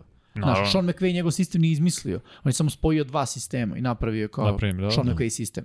Lupam, odbrana Staley-a nije on izmislio. To je odbrana koju je on učio godinama, godinama, uticaj različitih Malo defanzivnih ovamo, trenera, malo malo vamo, malo da, vamo, da, logika, ova, pokupiš i, logika, ono, pokupiš. mislim, Spojiš, ne. kao, to ti je kao... kao- Stefanović Karadžić, ono, kao- kao- skupiš narodim otvoren. Kao u muzici, znaš, ti kad praviš Kao novu, novu pesmu, kombinacija akorda je već napravljena, znaš, to već postoji negde. Da, je, Ti ja sad uzmeš da lupiš četiri akorda bilo koja, znači imaš 100 pesama koje već postoje sa Da. tom kombinacijom. Samo hoću kažem da mislim da Hackett nije umeo da napravi najbolji game plan za Russell Wilsona. Da nije, Pa, nema tu sposobnost Nije trenutno. samo, za, nije samo za Rasela, za Da. čitav tim. Znaš, jednostavno Naprim- nije, pa- nije leglo. Da, da. I zato su se odlučili da, da ono, drastičnu promen. I mislim, bolje je bilo kad je otišao. Kad, kad su ga otpustili. Yes. Krenulo je nešto da se dešava. Mislim da će sad baš krenuti više da se dešava. Možemo da ostanemo u diviziji, pa da kažemo da su Chargersi mm -hmm. potpisali Kelana Mura kao Ja ofenzivnog koordinatora u godini njegovog sazrevanja zapravo. I opet Cowboysi, njegov ugovor je istekao sa Cowboysima. Inače, McCarthy je jedan od onih trenera koji voli da zove akcije u svom sistemu. Tako je. Tako da Dala sada čeka jedna promena. A opet Moore je prethodne godine, što je meni oduševljenje, konačno počeo da koristi trčanje. Da, Pa, izbalansira. I rekao je da je njegov prvi zadatak ovde da taj prosek od 80 i kusur jarde i po utakmici, što je beda, Jeste. Jeste, prebaci Apsolutno. preko 100. Mislim, danas moraš da imaš preko 100 jarde i trčanjem timski, ako želiš da imaš neki uspeh, naročito s quarterbackovima koji na, naj, na akciju koja nije trčanje, mogu da se provuku i istrče po utakmici 20 yardi, naročito Herbert. A pa mi sp- spomenuo sam u ponedeljak kad smo radili, četiri godine bio uh, Kellen Moore. Za te četiri godine u proseku Cowboys su bili druga, na, drugi najbolji napad u NFL-u. Samo su Chiefs bili bolji. Po poenima i po jardima, mislim. To sa Dak Prescottom poslije quarterback. To meni dosta znači. Ali s najboljom ofenzivnom linijom u Pa, Ne, u osim, poslednjih osim dve godine i nije. dve Vidi, godine. Da. na- najbolji, najveći doprinos će biti ta igra trčanja. Ono što Slažem. Chargersi nisu forsirali, a Kellen Moore ispek ove godine definitivno, ne s jednim, sa dva beka. Znaš, ti kad sa dva beka imaš dobru igru po zemlji, to znači da si baš skapirao igricu. Da. Ono, da, da igraš na pravi način. Sad Chargersi ne znaju da igraju s dva beka i nisu igrali s dva beka još od Ladena Tomlinsa. fullback. Da, mislim i to se računa. Pa da, da. Lorenzo Neal u svojoj karijeri, ja mislim da ima 8 sezona gde su njegovi running backovi imali 1000 yardi. Što ono, nešto radiš dobro kao fullback, ako svake sezone tvoj running back ima 1000 plus yardi. da. Mislim, s- stvarno bi morali da nađu neko rešenje. Da li je i fullback, da li je tight end koji stane kao fullback, da li su formacije sa dva beka gde je Ekeler odlazi u rutu. Od... Ali imaš personal, Boja Isaiah Spiller kog su draftovali prošle godine, baš je dobar running back. Nije Treba implementiran, iskoristiti. Tako znaš, je. mora da se implementira. Pritom mora malo da se mora malo da se skine tereta sa Herberta koji rešava. Mislim, Ne samo s Herberta, sa Keenan Allena. Mislim, realno, Chargersi bez Allena su druga ekipa, ekipa Yes. koja se Moraju muči. da draftuju i hvatače. previše forsiranja. Zato su hvatači povređeni. Da, da. Zato što baš moraju da iznose za Chargers. Ti gledaj Mike Williams zašto nije igrao u playoff. Zato što je morao u poslednjoj nedelji da, da ono, iznese teret, iako je već bio polomljen do tog trenutka. Znači, mislim da da i Staley mora malo da, da skapira neke stvari ako želi neki uspeh, neki uspeh koji nije ono plasman u playoff, jer s ovom ekipom plasman u playoff To moraš, to je... Pa Sa, nije ove godine je bio uspeh jer su bili povređeni, ali nije uspeh. Prošle godine je trebalo da uđu u playoff i to bi bio uspeh, da kažeš. I ove godine to da se potvrdi. Morali su da dobiju Jackson. Mislim, Jackson je ekipa koji je u rebuildu sa trenerom u prvoj godini, znaš to, to je bio njihov mismač. Još su vodili sve nekako, meni je ovo veliki neuspeh na kraju šta se sve desilo za Chargers, da naročito zato što bi nakon toga bi mi se playoff mali otvorio i Pa sve bi bilo bolje. Chiefsa. Mislim, mogu ti kažem jedino zašto su njihove stvari na stolu, što mi devojka u ovu uzeli, inače ne bi stavila i dalje njihove stvari, de facto, i dalje su kante, jel? Vidi šolja. Daj, daj Šolja šolja Šolja Herbert. je predobra, mnogo je lud. Kreni, molim te, pošto volim mi drugi. To je najče. Mnogo lud, mnogo lud šolja. Božavam. Dve sad da. Znači imamo dve danacije, Igor Linić 10, Mhm. Da, Wow, imamo dve donacije. da da. Wow. Dve donacije, Hvala, Bojan hvala Markov Bojanu i Markovu i Igor Ninić. Ivan. Igoru Niniću. Ivan, Kaže, evo za cugu, za ekipu, Igor. Igor Ninić. za oproštaj od Gouta. Respekt. Respekt. Popiće se u to ime. Obećao. Ovamo se u režiji već otvara sek. Kako, A- mogu bi ja da se sekujem, a? Nemam mladaca. Nemaš lada, ne veze, može i ovaj topao. A, Polo. Nije, nije, nije, nije topao. Nije. Poluhladanje, poluhladanje. Iz, izbaci ga malo napolje. Imam pitanje, ja imam pitanje. Srđan ima pitanje. Srđan ima pitanje. pitanje.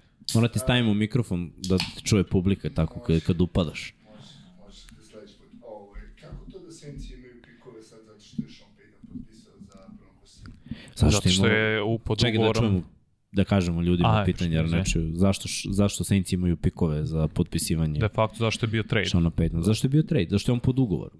Tako Možeš je. ti da odeš u penziju, A pod ugovorom ali je si dalje pod 2024. ugovorom. Znači, drugi, ti, ti ako odlučiš, to je Calvin Johnson imao, ugovor sa, na primjer, Lionsima, i onda je odlučio da se penzioniše, i onda je razmatrao da eventualno zaigra za Patriots, jel te?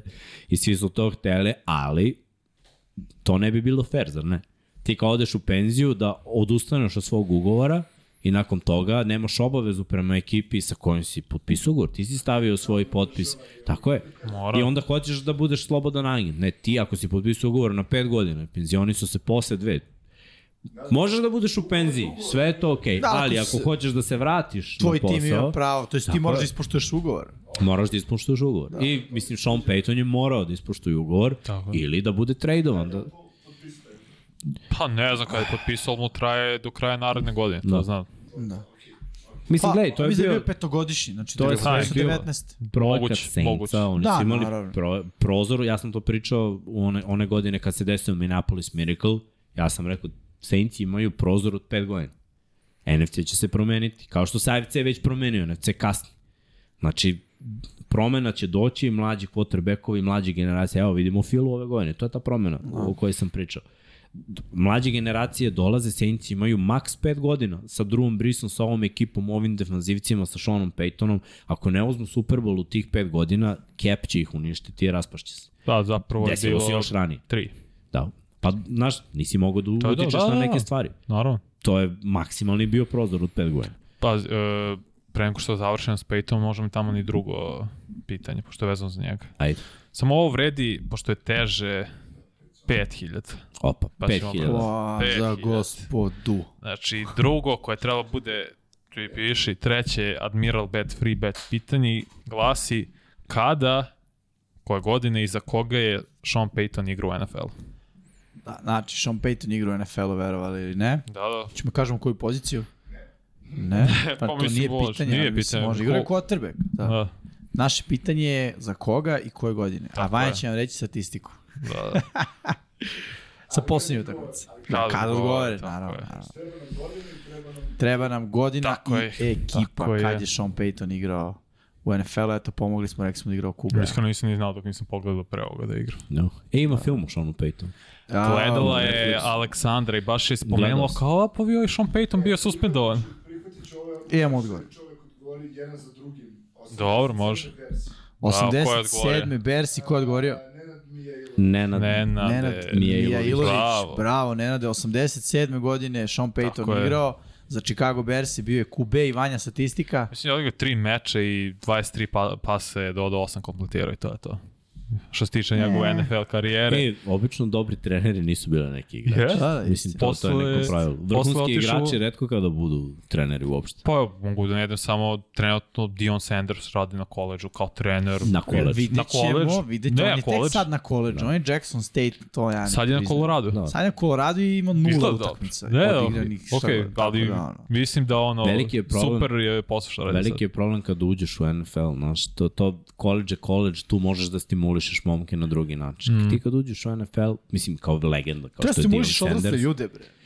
Jeste. ali ipak ti si sebe navikao ceo život na jedan nivo i onda zamisli vodiš ekipu gde vidiš da većina nije ni Zato približno mi je impresivno. Singletary.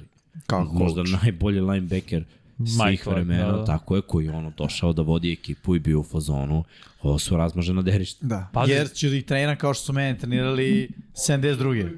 Da, U srednjoj i- školi, ono. ispoštovaće moje standarde Da. koji su vanzemaljski. Zato mi je nevjerojatno šta radi Barry, Sanders, Barry Sanders, Dion Sanders prime time na koleđu. Mislim, ta deca, on nekako ima taj moment gde Da. prosto Ali na sva koleđu- energija i sobe, znaš, ti sve oči su prete u njega, ti njega vidiš, ti hoćeš kroz zid da prođeš. Na, to je na to. koleđu je lakše, znaš, zato što ovaj, ti momci nisu profesionalci. I drugačije može, mnogi trener, sve u stvari zavisi. Kao čovek ili imaš pristup jednima ili ja ne verujem da možeš da treniraš dobro i mlađe i, i, i starije. Postoji određeni pristup Znaš, sa ovima mora budeš ovakav, sa ovima mora da budeš onakav. Ne možeš da imaš isti pristup za, za momke mm -hmm. mlađe i, i za profesionalce. Tu mora da se razgraniči. I neko ima u sebi da bude trener ili na koleđu ili da bude trener u, kad su u pitanju profesionalci. Redko ko može da radi obe stvari. Ja ne I znam, da da radi mislim da obe stvari može uspešno. Dion da radi, taj njegov karakter, harizma, mislim, prime time ti nadimo, da ono, Vidjet ćemo. svi ga gledaju kao u Boga, to je najbolji šta? defanzivni back ikada. Što Jimmy kaže, evo sad će imati tek ono Pravi test je ovo. pravi test. Da, da. Pazi, uspeh je što je on uradio za Jackson State da dovedeš ti najboljeg prospekta u državi da igra za tebe. Ovi Travis Hunter, koji je sad prešao na Colorado. Pa da. Na toliko mali koleđ koji je uglavnom ima ono afroameričku istoriju, on HBCU je skraćenica za to, ti dovedeš tog prospekta, to se nikad nije desilo. I sad dovedeš opet najbolji cornerback proseka, prospekta u Colorado. Zašto što ti Dion Sanders, oni hoće od tebe da uče. Od ovih svog sina. Koji je dobar quarterback, da. Pa dobro, na Jackson- na Jackson State je bio dobar quarterback. Ne, vidjet ne, ne ćemo kažem ja da je sad. loš quarterback, samo Naravno, eto, nivo igre je to, ono, totalno kažem, imam drugačije. pravo da budem sumnjičav, jer smo ga nismo videli na toj najvećoj sceni. Čak ni Colorado ne, ne igra te najveće utakmice. Da, igra samo ono jedno od pet najboljih konferencija. Što je, znaš šta, Vidjet ćemo, je ja čekam Majer to. rekao, ovo je Alabama svaki dan. Kad je došao NFL, a? To je rekao, da. da, da. La, lako je. Jesam, ja čekam, bit će to zabavno. A, evo jednu vez dok, dok je trajao podcast. Ajde, pa A, Raidersi su potpisali Scotta Turnera da bude novi ofanzivni A? Novi Koordinator. ofensivni koordinator. A Da, De... Scott Turner, bivši ofanzivni koordinator kom Commanders. No. Pa, To dobro. je zanimljivo, ne znam šta Commandersi u napadu su mi uvijek bili enigma. Nikad Pa- nisam mogao skapiram Pa, ni ja. koji je koncept, šta, se, šta je ideja i ono kao, koliko je to Dobro, moderno danas. o- ovde već ima određenu stvar koju mora da radi. Inače si ispratili Dereka Kara koji je prangio sinoć. Da, da, da, da, Yes, yes. yes. Derek Carr ide negde. A Pa on je to i rekao. Da. A izjava? A jeste čuli gde je najverova, kao ko je trenutno, ne, ko je trenutno najzainteresovaniji su Saints. Da, kad smo da se dovedu nadovežu. Dereka Lepo. Možda i za njega najbolje, jer opcija ima hvatačkih koliko hoćeš. Adams rekao koji će Da, Adams Moje. je imao okačio na društvenim mrežama sliku zajedno sa Rodgersom i rekao, znam u kom će U koji kraju, komšilok ide. u koji komšiluk ide Evo, Aaron pa Rodgers. Ko zna, sad to sa Rodgersom će biti... E, on voli ovo, na pri- mislim. na Meni se ne za Čekaj to. da mi se držimo ovih vesti koje, koje Koje su realne, koje su ajmo, ajmo. Ajmo. Demiko Ryans, novi Totalno glavni zaslužen. trener Houston Texansa. Iskreno, Houston. žao mi ovog momka, jer će, mislim da će biti žrtveno jagnje još jedno u nizu. Mislim da neće. To je moj Ja nema, ne vidim da Houston daje otkaz trojici afroameričkih trenera u tri godine Ne, za nećemo redom. dati otkaz odmah, ali oni su jako nezdrava organizacija. Jesu, to da. I E, ali on da, je bio tu, Miksa. Nije mu novo. Ja ali mislim da je ne, on je Demiko... bio tu kad Ne, ne, oni kad je nisu bilo, bili nisu bili ovi vlasnici. On kad je bio, A, on kad je bio okej. tu i ekipa je bila drugačija, Kultura je tim, bila drugačija. kultura i opet uh, vlasnici i sve, cela Arian priča. Foster, Andrew Johnson, taj Oni su ulazili u playoff Jesu. tada, nisu imali neke uspehe. O, imali su talentovanih igrača i ovo sad baš tali, fali talent. I mislim, oni imaju pikove, izabraće neke dobre igrače i sve to, ali mislim, pazi, on kao neko ko je igrao relativno skoro, mislim 2006. je bio ruke godine, završio karijeru, mislim, znaš, on ima 10 godina, A, brate, što mi to radiš? Smisli novi free bet, pice. smislit ću. Ali nije, nije to bilo samo. Yes, pitanje. to je bio deo pitanja. Nema veze, nema veze. Ajde, od ostatak dela će biti. Onako je to pitanje za 3000. Ali to Ajde, sam ovdje i napisao. Nisam vidio da si pisao. Stavi sliku. Daj, daj da, Da, vidimo nisam- ovaj... Uh, Ja sam ozbiljno. Ne, ne, verujem da jesam, Evo. kod nisam. vidio.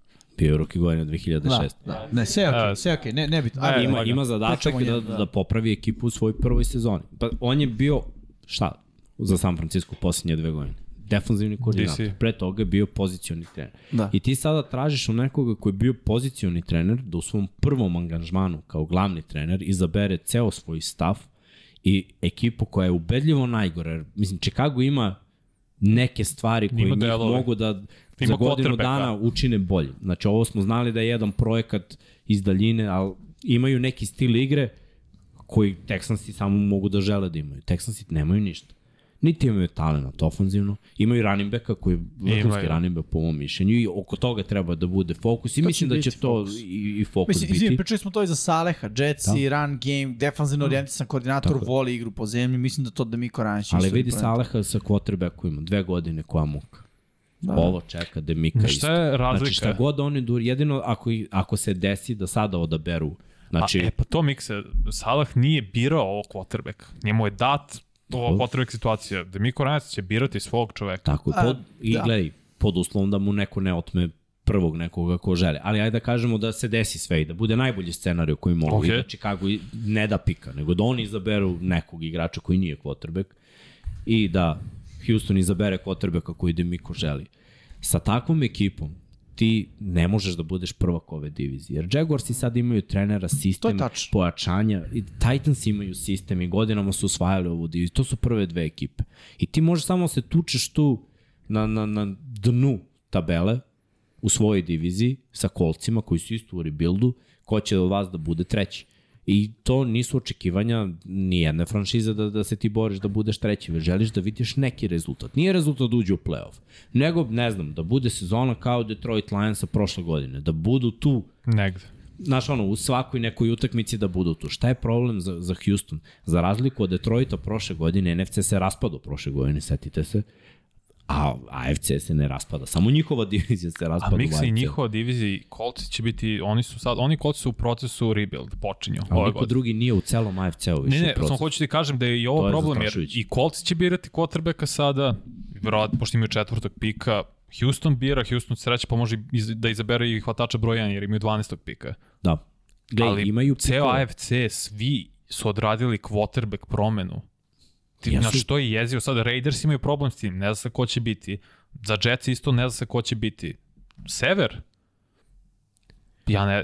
Ali svi svuda, su popunjeni. Ali svuda tu vanje imaš neke stabilne figure. Znaš, Ne, za pa svaku to- ekipu za koju se uhvatiš nešto valja. Znaš, Tako da uzmeš Denver, valja odbrana. Da uzmeš Raiders, Devonta Adams, Waller, mislim, znaš ono... Ako ostane i- Jacobs. Imaju, imaju zvezde, plus imaš trenera koji, ono, da kažeš, nije prvi put, nije mu prvi rodeo. Ako Hmm. ništa drugo, bar prošle godine probao i failao. Ti Miko stavljeno u situaciju, znaš, da, da je to sad već su otpustili za tri godine tri trenera. Da. Tri godine, tri trenera, ti dolaziš u četvrtoj godini kao četvrti trener i, znaš, ono, neće ga otpustiti u prvoj godini, legenda je franšize, bio je tu kroz sve te uspehe, bio je prvi tim All Pro, znaš, ono, imao neke uspehe, osta, ostavio je trag u toj franšizi, ali se očekuje bar u dve godine nešto. Jer pazi, Bill O'Brien, koliko je godina bio tu, Bill O'Brien ih je vodio kroz playoff. Prošlo, pričali smo prošli put, bio je pre Dešona, mm. -hmm. Bill O'Brien. I ekipa je bila playoff ekipa. On je pet puta osvojio I diviziju. to kad su kolci bili, ono, bolja ekipa. Tako je. Andrew Luck. Znači, postojali su neki uspesi sa, sa ekipom od koje se možda nije toliko očekivalo, u play-offu nije moglo ništa da se uradi, ali ja mislim da, da oni su postavili jedan, jednu lestvicu na ono, da se osvoji divizija. To je nerealno, po mom mišljenju, ne ove godine, ne i sledeće godine, Ne, ne, ovo je divizija Jackson i Jaguarsa sada. u, u sledeće dve bar. Jer svi ovi Sigurno. igrači koji su potpisani ove godine su tu još dve. Znači, oni će sve ove igrače koji su ove godine bili produktivni produžiti, ja znam kako razmišlja Doug Pederson i pritom je i vlasnik video da je ovo prvi uspeh posle koliko godina i da miriše mm -hmm. na dobro, sad je, sad je pojenta da se uloži malo da se dovede još neki igrač i da, i da se zaokruži priča. Isto tenis, tenis isto traži ofenzivnog koordinatora, ne, nešto novo. Traži quarterback. Da. ali opet imaju i oni bolji sistem. Houston je trenutno baš ono malo, malo talenta. Njima treba idealan draft, uh, dobar free agency i sve to da bi bili treći u diviziji. Zato mislim da je, gledaj, za Demika ovo je emotivna odluka. Da ode u Houston, da se poveži i sve to, ali nisam siguran da je toliko dobro. Uradio je jednu pametnu stvar, ugore na šest godina. Ništa to nije Ništa to Ne, ne, Heketa a, ne, i- ne, ne, ja, ne, jasno mi je, Kata. on je sebe, ovo pričam za njega lično, on se obezbedio iz tog aspekta. Šest godina je puno, neće, Ali, ne znam Vanja, da će ostati svih šest godina, će mu Koliko isplatiti svih šest godina. ima godina? Kako ajde ovako da kažemo, složit ćemo se, mlad je 23. trener, tako? Da. On kao mlad trener ne razmišlja sada boli mu 5-6 godina sam miran finansijski. On sada hoće, Da se on je sada ostvari. ambiciozan, Može ima da se ostvari, 38, upravo 9. tako. Hm? Može ima 38, 9. Ja mislim da ima i Ima vi, ja bih rekao da ima. Nema. Draftovan je 40 2006. Pa šta ti Jimmy mi imamo, brete? Da, znam, ali mislim da je stariji od nas dve godine, ne više od toga. Misliš? Da, da, da. 2006. je bio Pa- ruki. 2022, Znači, 23 nema. godine, može. 84. godište. Pa to ti to, Tri 39. godine. 40 puni sledeći. No. Znači, 39. 39, 38, 39. 38, Ok. 39. To U svakom slučaju, za trenera je prilično mlad, ispod mlad. 40. On je sada ambiciozan, on sada želi da grize, on sada želi velike stvari. Ne razmišlja, siguran sam, imam šest godina, briga me šta god da se desi ovde, znaš. Uh, ja ne znam, onako, uh, u pravu si mi dobra, dobra analiza, šta se dešava u diviziji, šta mogu da budu. Ma i u AFC, ja što da da uzmeš će- konferenciju u obzir. Jeste, to je konferencija tek problem. nije, nije, ne idem na ruku Jer ajde u AFC da uzmemo ekipe koji su u rebuildu i koji su u problemu u stvari. Jetsi više po mom mišljenju nisu u problemu. Jer, ono, Da, da, nazire se kažemo, svetlo na kraju. fa, to nema. fali im quarterback, ali mislim 7-8 pobjeda da imaš u sezoni, to, to je po mom mišljenju nije rebuild. I Znači, povređen fali im prvi igrač. trkač. Mislim, Znači, ovo je- svako ima neku situaciju osim kolca koji imaju odbranu i baš napad im ne ide i ni trenera nemaju, tako da ono, tek Ta treba da čekamo kolce je sada više upitna. novi sistem i, i. Houston. Sever, sve ekipe, pa sledeće godine Brownsi sa Watsonom, mislim, znaš, bit će Već je opasnije. makar bolje. Da. Ovamo ove tri ekipe su već bile tu na granici play-offa, istok tri ekipe na granici play-offa, zapad dve ekipe na granici play-offa.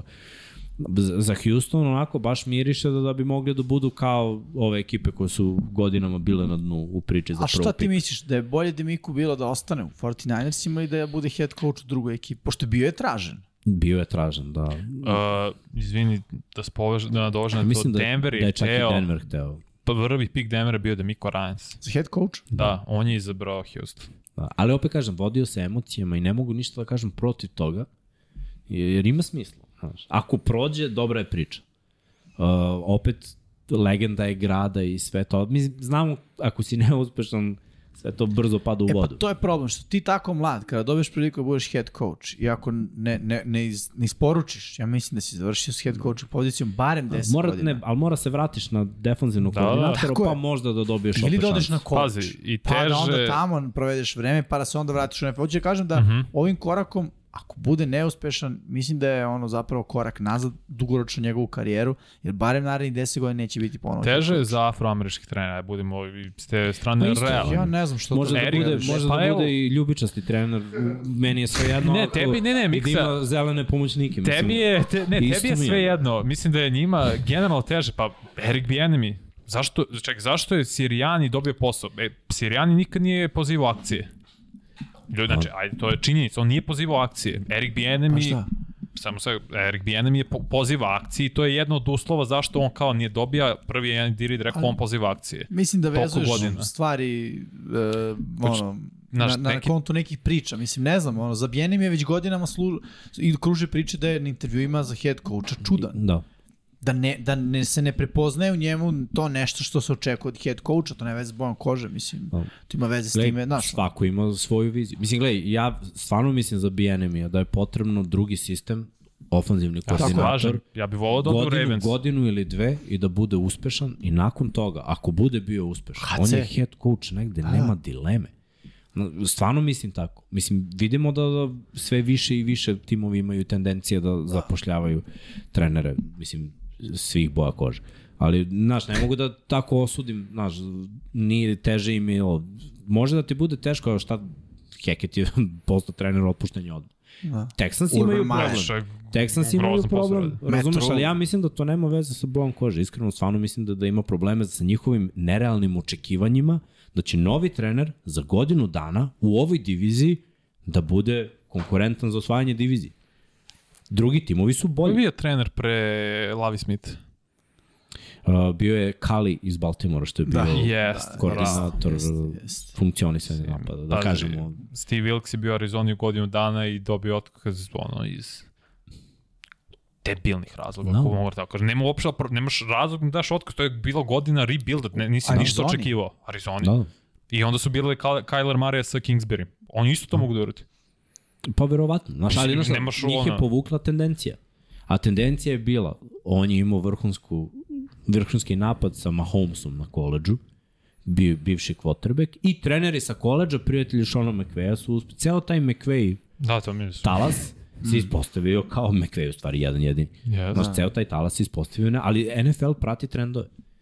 Ne razumem. Znači, kad bi bilo, kad bi Demico Ryans bio uspešan trener, i evo Salah je da kažemo uspešan, kad bi njih Ja dvojica da je odveli ekipu u play-off, da. da. postao bi novi trend, defanzivni koordinator za glavnog trenera, Tako bira je. pravog ofanzivnog koordinatora i biraju na draftu mlade quarterbackovi i to funkcioniše. Da sad to ne ide, mislim, Staley je defensivni koordinator, pa nije uspeo. Salah, Pa, Ali za u čemu sada, nije uspeo da postavi odbranu? Ne, ne, nije uspeo da Nije dovede svoj pravog tim. ofanzivnog Pa, koordinatora. pa, to mu je zadatak. Isto, Jeste, ali njemu je... nije uspeo ni Salah jer je otpušten ofanzivni Da, koordinator. ali njemu ali to je njima teško.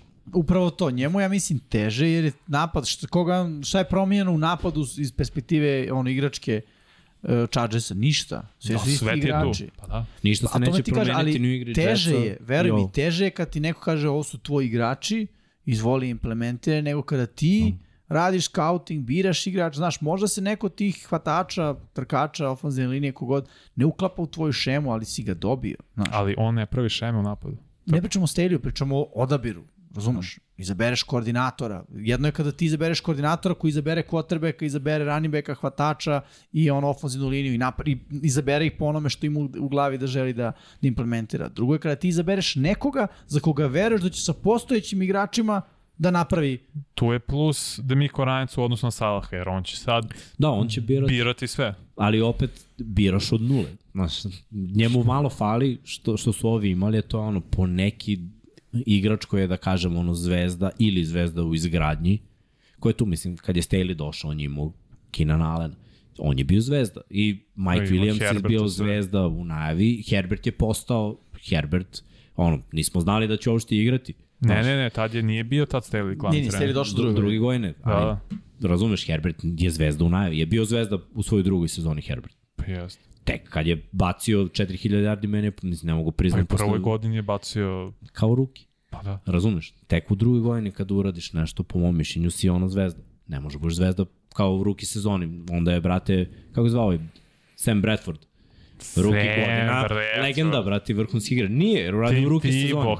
Je, kapiraš? Tibomanija. Ne može samo e, pa to je sezoni. Brady zaustavio. To je kao da kažeš sad za Piketa, znaš kao, dobro se, čekaj, Borazaru, polako. Dobro, postoji nivo, igrao je okej, Dobro. nije igrao nivo.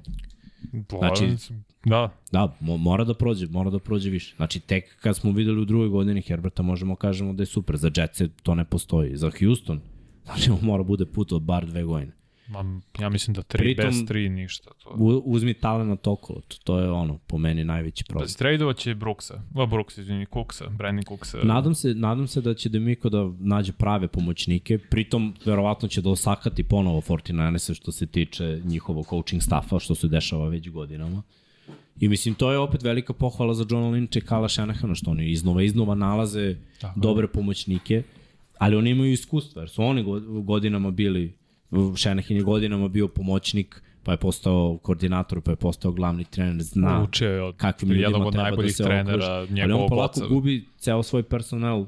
Samo mu odlaze ljudi. Znači, Saleh je glavni, McDaniel je glavni, evo sada je i Demico Ryans glavni. Znači, u posljednje dve godine Mm. on je izgubio tri koordinatora za poziciju glavnog trenera.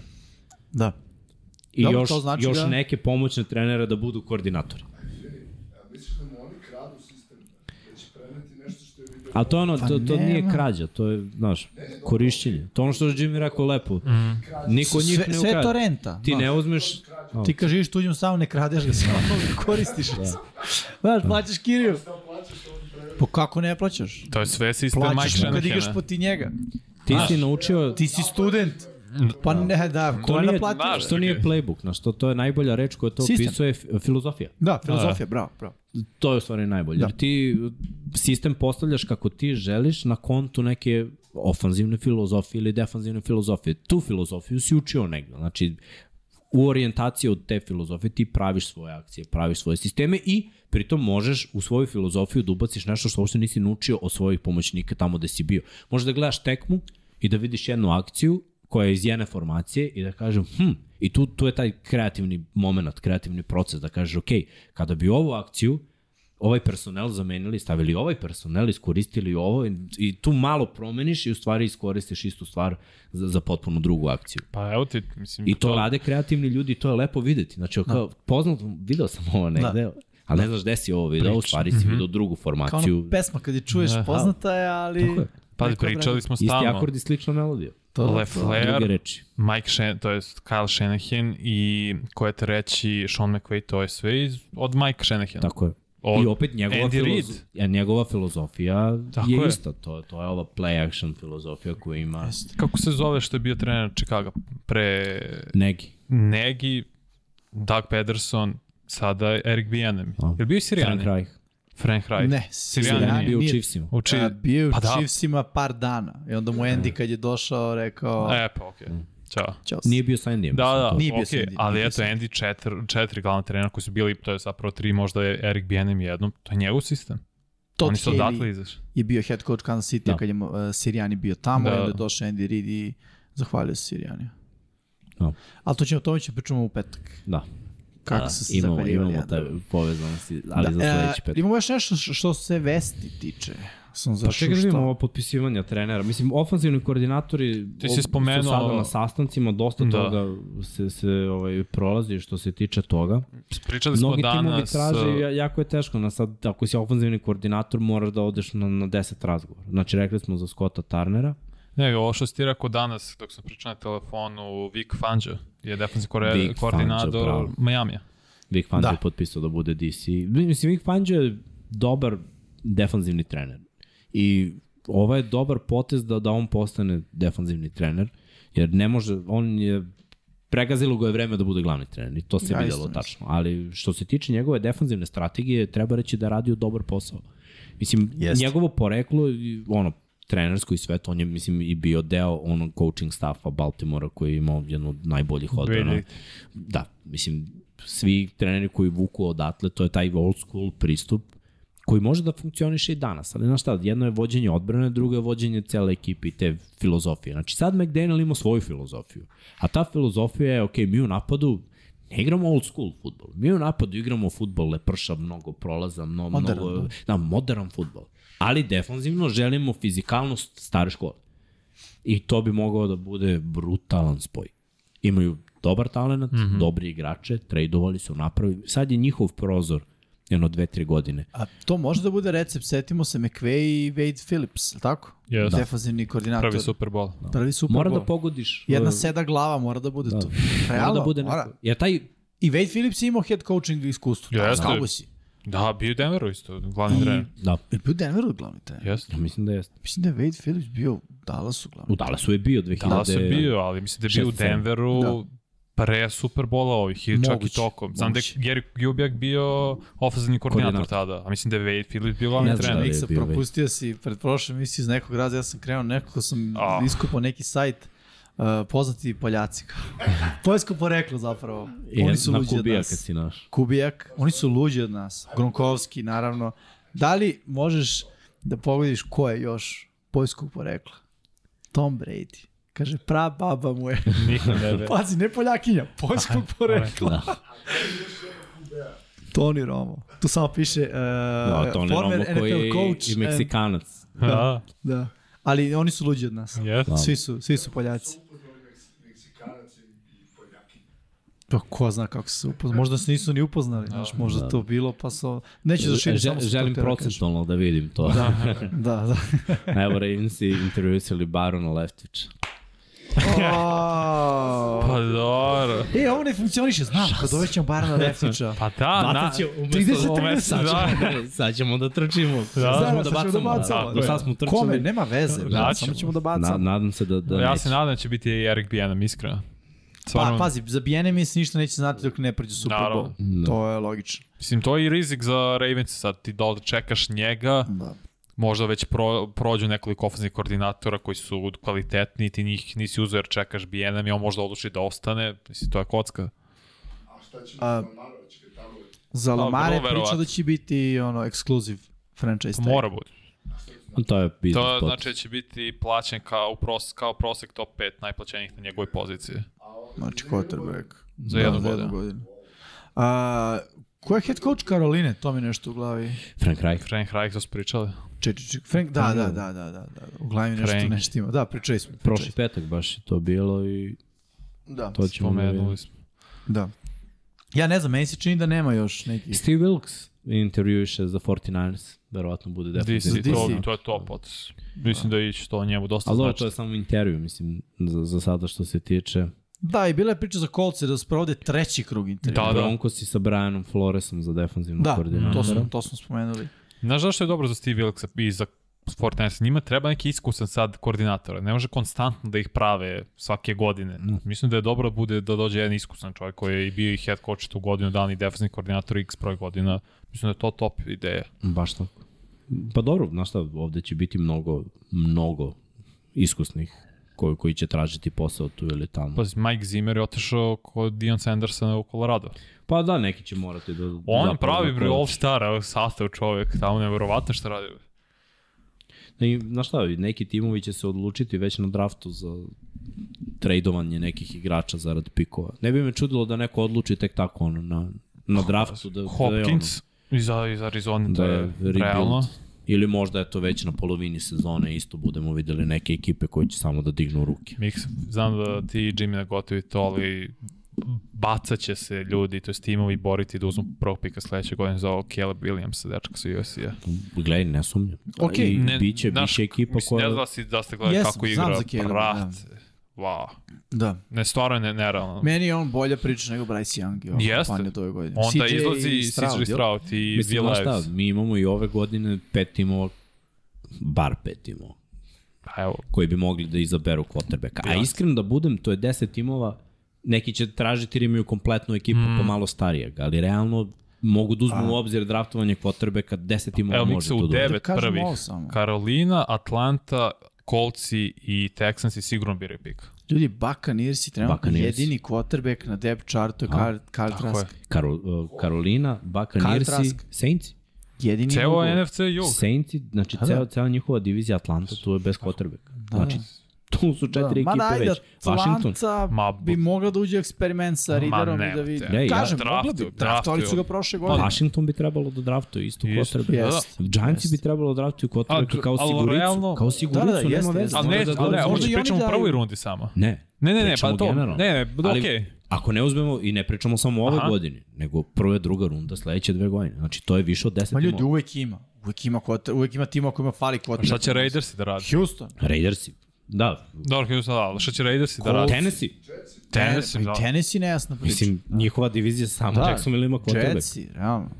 Znači, bukvalno je mnogo toga nerešeno. Zapravo imaš... Čekaj bre, Miami? A i, Miami, možda neće da draftuje. Ove Neće. godine, ali na, ove godine ne, ali sledeće godine ne, ne. dve, ajde se dve. držimo sad ove godine. Mislim, i tu je... Ove jer godine je kada- 10. Raidersi sigurno moraju da uzmu nekoga. Pa dobro, Mislim, možda, treba im novi možda quarterback. pokupe, možda ne bude draft. Znaš, možda bude Rodgers. Ne, ali generalno novi quarterback im treba. Dobro, okej. Mislim, Coltsima treba isto. Treba Ajde Tennessee. krenemo po diviziji, evo ti južna divizija AFC. Znači, tri ekipe. Houston, godine. Houston, Tennessee i Colts. Tri ekipe. Uh, Jets. Zapad, Aha. zapad, Raiders. Raiders. Raidersi, Pa niko i to bi bilo to. Da. Pošto su uzeli ovi Russell, ajde da kažemo da je Istok. to to. Istok, Jetsi moraju. Jetsi, okej. Dobro. Jetsi. Miami ne mora još uvijek. Ne mora još Idemo jedan. na sever, Sever, nikome ne treba. Nikome ne treba, oni su radili. Idemo u NFC. Ceo Ceo NFC. jug. To je devet. To je da je. To je da. Washington. Washington. Washington 10. Giantsi. Pa. Hm? Ne. Pa, ja mislim da će uzeti u kas, Pisać. ono, da, Dobro, da će izabrati, okej, ajde, ajde. kažemo 11. Mislim, treba im quarterbacku. Okej. Ovo je za Daniel Johnson, ja mislim da neće dobiti ugovor od dve, go- dve godine maks. Mislim da je on 2 plus 1. Tako je. Ne, nj- njima se ne isplati da mu daju kao, u- i da kažu imamo quarterback. Da, Ajde da se mi obezbedimo i da neko uči za slučaj da nemamo quarterback. da, da. To je deset. Ne, ne, okej, ali pričam sad Kome treba? Bez trade-ova. Bez Green. Bayu. Zapad? Pa, Zapad imaš Ramse, Jesmo ništa, istog prošli? Arizona. Istog smo pa prošli, vidi, da. Arizoni treba, brate. Kyler je povređen. A dobro, ka, Neće igrati celu godinu.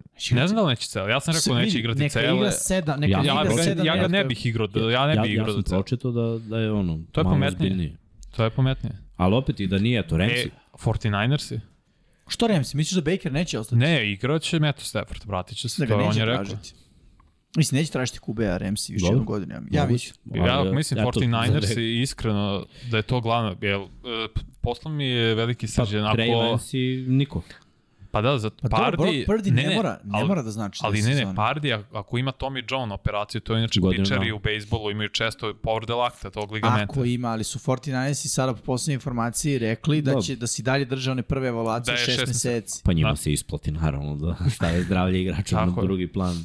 I, i da Mislim idu da je vrlo verovatno Tommy da, John i to je cela godina ćao. Da, mislim, njemu je pametno da razmišlja o svom zdravlju. Ali opet, Pa znaš ali prozor mu je mali. razmišlja ljudi, on je poslednji pik Znam. na draftu. I gledaj, Mali uzorak, bro. Ako tamo kad uđe- je trebao da se nešto uradi, on se povredi, nije, znaš. ali pa ne, ne, ako ali uđe, nije jeste uradio, ali u San Francisco, što ako je uđe, veliko ako uradio. uđe da igra sa povredom i Ne, zbog ne, toga još failuje, gore, još onda gore. je baš Onda je nikad završio više. karijeru. Ovako bar ima priču, znaš, bilo je dobro dok I znaš šta nas čeka? Jimmy G scenariju. Ali G, rekao je Čekaj Kyle da Shanahan da, oživi. Jimmy G sigurno neće igrati za Fortnite. Da. Ne, on neće igrati, on nema ni ugovor. Nema. Pa Derek Carr i Jimmy G su najbolji slobodni agenti ove godine, kao potrebe. Neću računati Gino Smitha, mislim da će se vratiti. godine. Šalim se. Mislim, ako pitaš Kema Newtona, to sam. I naravno sam Jay. Da. Pa dobro, tri trojicu imaš, mislim, ne verujem da će i Rodgers i ostati u Green Bayu. Pa što ne veruješ? Je pod ugovorom. Nije to baš Yes. Nije slobodan toliko agent. neverovatno. Nije, znam, on... Ne znam. Vidjet ćemo. Mislim, dva, u pravu ste, i Jimmy G i Derek Carr, Ovi ostali vrhun. timovi, znaš, ima... Na primjer, imaće- mene ne bi iznenadilo da Jimmy G završi Houstonu. Kod Demico Rans, koji zna šta Jimmy G može, game Pa manager, za Jimmy run G, first za Jimmy ekipa. G je to downgrade ozbiljno. da. Za Jimmy G-a? Da. da. A šta misliš da Jimmy G želi Green Bay? Ne, ali, ali bolja Jetsi- situacija da odu. Uz na Robert primjer, Salah isto. Gde, gde negde ima, Istina. ima situaciju. ga Znaš, zna, Houston da. ti je onako dno dna.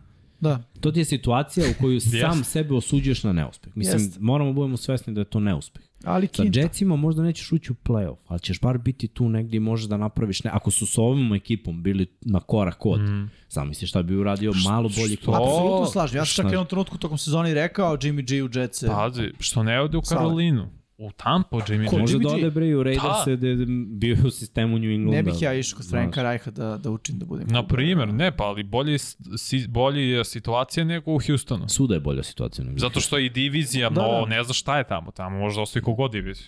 Ja sad me pitaš ko je favorit, Je je li? bio on... Uh, Sedi Jimmy G kući i zove ga Demiko Ranska. Ne znam se. sorry, bro. Nek, jedna godina pauze, XFL, šta god, ići u Evropu. Ali A ne, Demiko, žao ne, mi. neko će ga potpisati sigurno. Ne, hoće nema, sigurno. Nema tu dilemu. Da. Ja mislim da Houston ide ono, potpuni rebuild, mlada ekipa, minimalna očekivanja. Demiko mora dobiti dve godine. Ryans. Pa ne, Sigurno. dobit će. Znaš šta, mislim- zato što ne mogu da prate ovaj trend, taj trend je jako loš. Znaš, da bude četiri otpuštena trenera u četiri godine. To, taj trend niko ne želi da prati. Znaš šta, jer samim tim kako vodiš biznis, sledeći put kada budeš potpisivao, intervjuisao, mislim prvo ja ne bi došao na intervju da znam da si u četiri godine otpustio četiri trenera, ekipa je krš. Šta mene čeka tu? Znači, da Kinta. budem godinu dana, Jedino to. pa i Ma to je pitanje. Jeli, možda je odgovor na njihovo pitanje koji vam je omiljen trener sledeći. Pa, Pazi, bukvalno. Ali, mislim da su oni morali njemu da zagarantuju makar dve. Ja verujem čak i tri godine ćeš sigurno biti tu. Ne znam kako, ali ja mislim da su morali. Dve Dve za okej, garantovani dve metu rulu. On je odbio Denver, koji je realno mnogo bolja situacija. Nije odbio samo iz ljubavi. pa, Ne, stvarno ne sumnja nis, da je samo iz ljubavi. Je, nije samo iz ljubavi, ali je priča. Znači, želi da bude deo tog, te istorijske promene. To je okej. Okay. Mislim, to, to je sve to emotivno i lepo. Ako prođe, prošlo. Ako ne prođe, nije dobro. Okay. Ali to bi bilo to što se tiče vesti. Znači, ništa drugo se ne dešava, ni jedan trade igrača nije bio, možda najveća ta neka priča bio Derek Carr sad na Pro Bowlu, koji je kao zamena došao na Pro Bowl. I ovaj... I Huntley, brate. bukvalno- Pa da li, Huntley je je pod ugovorom. Ne, nego već pričao od ono probu. Da, pa dobro. Strašno. Ja, to je ono što ja pričam stalno o Pro Bowlu, kada neko krene da, ja, on je Pro Bowl, ja priznam All Pro timove. Pro ne, Bowl znaš je kad okej. ja priznam Pro Bowl? Kad si izglasan prvi put. U smislu si prva trojica quarterbackova ili... Aha, aha, misliš da. da je Ne, prvi, ne. da si prvi pik. Prvi izbor, da. Prvi Da. izbor, to računam. A ovo je novi Izmene, nivo da. dna. Ja se nikad ne sećam da je bio sve, da sad mislim sad malo i na neku ruku vređamo Huntley njegov kvalitet, ali toliko loš quarterback kao na Pro Bowlu, ja ne pamtim da je ikad bio. Takmičenje Iskreno. u popularnosti i fan baza. Mislim, Kao ti mora da uzmeš obzir da navijači Ravensa šalju poruke. Ne, ali uh, on je bio Svaki zamena. je to ono, A ni, ne gleda se ligi. tako zamena. Ti oni biraju, ja mislim, odbili su ga i sigurno u quarterbacku i pre. Mislim, i Herbert zbog operacije i tako ti quarterbackovi, Baro isto mogu da ide. Nije hteo. Pa Oni su odbili. hteo. Pa to, pa zato Na kaže, Pro dosta njih odbilo. Na kraju će Pro Bowl da postane Hajde imamo taj flag u nedelju. Da, a dobro gledaj, flag će biti zanimljiviji o nepostojeći kontakt. Jer ovo je do sad Da, bilo da. smešno, uhvatiš loptu i sudje sviraju kraj. O, povući će te lopta. Znaš, to je kao ono kad igraš basket kao s 30%, ali mora... Koliko će biti teklova? Pravi, šta vi mislite? Maja. Pa ne, A? ne, Ne, na, na flagu. Sledit će se neko. Ne, Ne, skidaće zastavice, ali će biti pokušaja da se izbegne skidanje zastavice. Da. Da. Znaš, biće malo sprinteva i Biće dok ti neko neki, a? ne skine, toga nema. nema Pa znam, ali mislim, biće povućete. Mislim, ja ne. pričam iz ličnog iskustva kad sam ja igrao flag jedne godine. Misliš da Uzeo sam loptu, video gužu i savio se i krenuo Pazi. kroz ljudi. Onda sam mi rekao, to ne možeš da radiš. Meni je dodgeball uvek bio ono, posljednjih par godina top. Nime, nisam sad skapirali, jesu igli do konferencije protiv konferencije? Da. Su se, ovako su se eliminisali da, Da. da. izaberu Kao kao, ko je napad ili odbrana. Aha. pa igraju pobednička ekipa od napada i odbrane AFC i NFC-a protiv. Pa je bila odbrana AFC-a i napad NFC-a. Tako su se Ko je dobio. Barkley, onu Da mi glavu. je-. Da mi je neko u osnovnoj školi pričajući između dve vatre da bude ono ludilo u NFL-u. Dobro, ne kod njih se To u oni Americi, to obožavaju. Ne, ne, meni to top igra generalno. Meni su između dve vatre top igra, realno. No. Baš je dobra. Mislim, zavisi od lopte. Kako se zove onaj film? Uh, a da, ali Mislim da glumi? zove- A da, ko glumi? Ben Stiller, valjda. Jel jeste Da. bi? To je jak film, to je mnogo jak. Dodge, pa. Dobro, nisu, nego samo udarali. Ste Vidio videli sam za Humphrey. Dariusa Smith? Aha, ne, ja sam vidio Marlon Humphrey kako veže. Bolje ste videli za Dariusa Smith koji je pao. Ni, kaže, nikad nisam igrao za leto se kao sivanja. znači, promašio sve i travu pokoj sivanja. Ojoj. da malo je rekao, ovo će se povredi čovjek. Ali ono, bilo je zanimljivo. Na kraju je preko 200 yardi šiknuo iz trećeg puta kad je pogodio lopticu. Da. su sačuvani ono što su imali prethodnih godina, ono kad Man, ej, nikom srđana nije ni bitan Pro Bowl. Njima je Pro Bowl Da. postao sada čisto da se ispoštuje. Sve to što je nekada Da. nama bilo All Star u košarci, Da. Pro Bowl ovde, sve, Sve to, to sada, gubi, nekad je to bilo, ja se sećam pre kad sam bio klinac, baš 2001.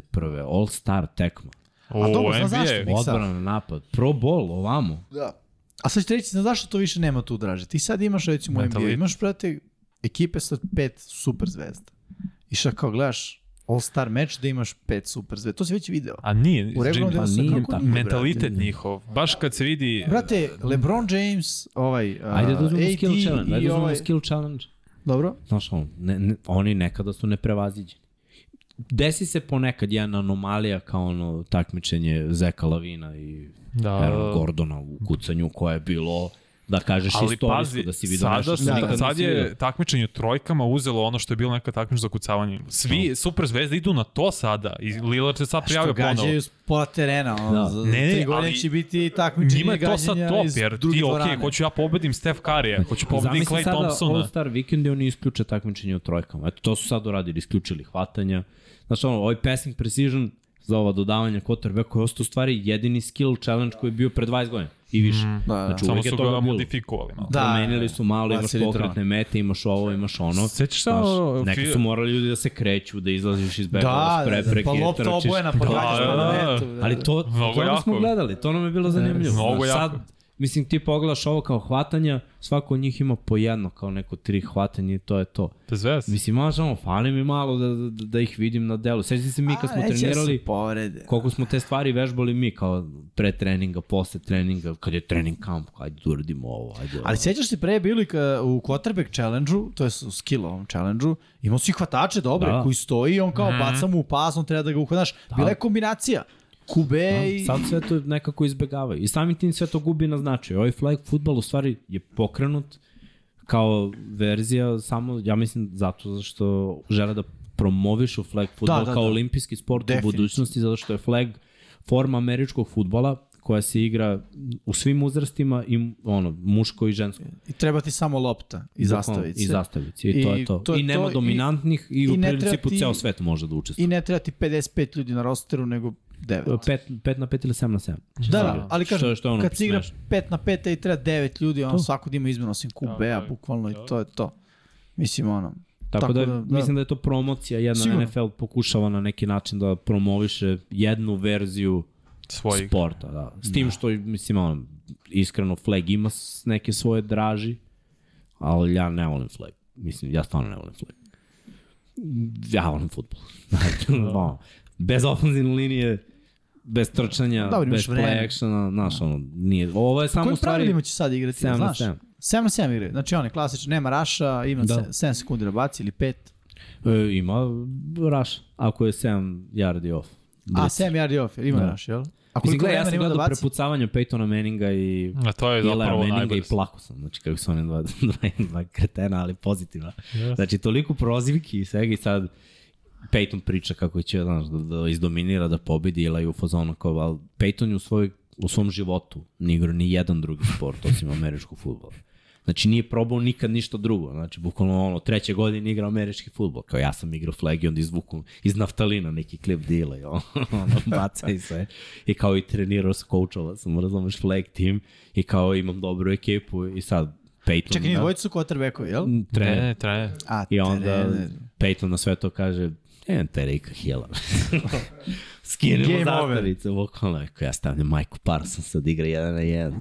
A Ceo to će biti dobro. Ako, ako Šta, budu pa bili li da ti vidim? dueli. Znaš, ono, da? najbolji igrač, ja mislim da će tu biti dobro, ali ti hvatači AFC-a, četvorica, Terry Hill, Devonta Adams, Stefan Diggs Jefferson. i Ne, ne, ne, ne, ne, AFC, JJ u u NFC-u. NFC-u. I četvrti isto ubica, ko je četvrti stavio mi je mozak? Nije AJ Brown. Ne, ne, Nije otišao. A AJ Brown je je možda iz NFC i nije Ne, otišao. uf, ne, ne, s sam ga pomešao, čekaj. neko je još mnogo dobar tu. Isto. Jamar. Jamar Chase. Jamar, Da, da, da, Jamar, da, da. Brate, Jamar. ja bi igrao quarterback u flagu sa njima. Mislim, Čekaj, ko, je, ko su running backovi? Tu je Ma- Josh Jacobs, mislim, ne, ali opet. Trčanja neće biti. Pa nema ih Skill. smisla. 7 na 7 strčanje igre. S njihovom brzinom. Znaš, jedna šta, to neka finta i da prodaš, ali njihova lateralna brzina, da ti iz backfielda da stigneš do linije, neko ti je već skinuo. Pa ne, gledam NFC, i Barkley, CMC, i Justin Jefferson. Running znaš, backovi u to je- flagu obično služe, naš, ono, fake, primo predaja, jer onda i quarterback može da trče ako već razmene loptu jednom, mogu quarter, running backovi da bacaju, mhm. što da. i CMC i Barkley su radili, na primjer, i ovaj, rute, znaš, to, to je dobro. Check down opcije. Da, Očistiš jednu stranu, njega pošalješ tu. Samo zbog toga se rada. Mislim, inače, bit ću u direktnom prenosu na sport klubu Ukoliko? 9 u nedelju. Nedelja, da. Znači, nedelja 21. Nemam pojma koji je sport klub. Ne verujem da će biti ono... Misliš da nije kec? Ma, on nije sigurno. Šta ima u to vreme nedeljom sad u ovom periodu? Ne uci me za jezik. Izraelski šta? A, ne, izraelski ponedeljkom obično. Ne, ne, kao da rukomet, Da. odbojka. Svašta ima, svašta ima, svašta ima. Dobro, a smo došli do pitanja odgovora ili imamo još nešto? To imaš jedno pitanje Da, Freebase, pre vaših da. pitanja idemo mi vas da pitamo. Ajde, Tako Vanja. je. Te za 3000 dinara posljednje pitanje, vrlo lako, kada je i koji pik i dobro, već znamo za koga igrao, kada i koji pik je bio Koji Demico pik? Ryans. Da, da. Godina, runda pik. Tako je. Da, znači pik, na primjer, 14. runde, šesti pik. Ja sam to izmislio da bi kar karikirao. Znači, treba nam godina, runda, pik, Demico Ryans. Da, da. To. Možemo da pomognemo da kažemo da su ga Texansi draftovali. Eto. Finski ping pong. Veliki onak- pozdrav svim ljubiteljima ping ponga. Finskog ping ponga. Slikom se nalazimo u Finskoj. u nekom onom njihovom gradu što ima po šest istih samoglasnika jedan do drugog. Srke E, kontroliš je ja vam u chat. To je Vels. Njihovi imaju gradovi i ovi imaju nešto suluda neke nazive. Tipa 2A, 2O. Ajde, možemo, a ne, ne. Ne možemo. Ne može. Sređan prati. Znači, Pomno. sve da u jednom. Evo, Evo ga. Tamara Simonović. Bra. Tamara Tamara Simonović, Simonović. prva devojka, dama, 2006. godina, druga runda, 33. 33. pik. pik. Tamara, bravo. Bravo. Javi se na naš Instagram, Twitter, uh, mail. Mail. Sve je dostupno. Uh, I ne zaboravi da, četiri dana imaš da iskoristiš taj free bet Tako je. bonus, da moraš da napraviš account da bi dobila free bonus, ali u četiri dana treba se igrati. Igrajte se ljudi, kladite se. Pa ako verifikuje nalog, može iskoristiti kod 99 yardi i dobije dodatni. To 3000. mogu svi da iskoriste, To to mogu. veze. I to da. nestaje isto. Tako da znate, sve što se desi morate odmah da se igrate. Da. Znači ne smete da, da bude da se ne odigra. Samo su biseri večni, tako, dijamanti, kako ima onaj Nada je večna. film. Nada je večna. Ovo Ne. je Miloš Suprug koji je pod tamarenim profilom. A Miloš je po tamarinim profilom, nije znao da je na tamarinu, dobro, nema Mi, veze. Miloše, i za tebe je četiri dana. Javi se preko tamarinu maila, šali se, ne, čisto da znamo da je to to, da ne mu sad neko random da nam se javi, Da. kao je, čao, ja sam Tamara. E, ja sam njen muž. ja sam Iako dečko. se zovem kao Stojan Aralica. to mi je prvo palo na pamet. Ajmo sad ljudi na pitanja i odgovore. Mislite opet pita kome se javljam. Samo Ok, a, Da, ili se javi na naš Instagram profil 99 yardi ili Infinity Lighthouse ili ako nađeš nas na Twitteru ili Instagramu ili na mail, možda moj vanja.milicevic at infinitylighthouse.com. tako je. To je to. Pritom ovo će se biti snimljen, možda preslušaš. Tako je, u Barem je. nekoliko puta, uglavnom četiri dana imaš da pokupiš nagradu i da je iskoristiš. Imamo jedno pitanje. Mara, Miksa plati pitanje, a? Ajde, Ajde, ajde. na arenu. Koji trade? koji trade? Jimmy ne Sme najavljuje najavio trade na trade arenu? Ne, ne, ne. Kada god me ljudi pitaju to na Twitteru, ja kažem da i mene zanima šta će se desiti, jer zaista ne znam, mislim, ljudi. Ja ne znam, vidim različite komentare, ljudi pišu da je to kao nešto, govorimo o prenosima NFL-a, e, da li će biti na sport klubu sledeće godine ili neće. Ljudi pišu da je arena izbacila neku reklamu, ja to stvarno nisam video, mi nemamo nikakvu zvaničnu ja sam informaciju. video. Video si? Aha, Reklamu? da. Na areni? Dobre reklama. I šta kaže sam reklama? ja za Deda ja nisam Mraz. video. Za Pa reklama je ono, Pršti sve. želja Deda Mrazu na, na kraju godine i kaže Deda Mrazu daj mi nešto što dugo nisam imao NFL kao pozadi klipovi. Stvarno. Dobra forica. Ja volim dobre fore. Čekaj, pa je Deda Mraz to Aminovo dao i je rekao, Pa rekao je, ako budeš bio dobar. "Hu, hu." Znači, vidi, to može na kraju da bude i stiker samo. Da. Šalim se. Ne znam, vidjet ćemo. Ja, ja ne znam, eto. Zaista ne Da, znam po- i po- ono. po, po nekom iskustvu ovaj, šta se dešavalo, s, za NBA je isto bilo ovako. Mm. Mada za NBA smo znali. Ovaj, to je baš bilo. Da. Ovaj, te godine je bilo jasno rečeno da, da je to poslednja sezona NBA koju radim. Sećam se tada jer sam radio svaku tekmu play-offa. Dva meseca. Ili dva i po meseca. Respekt. Bio sam bled kao krpa. Luka i ja Ali si uživo. nespavanje. Pa, mislim, jesam, iskreno. Samo mi smetalo ono, spavalo mi se.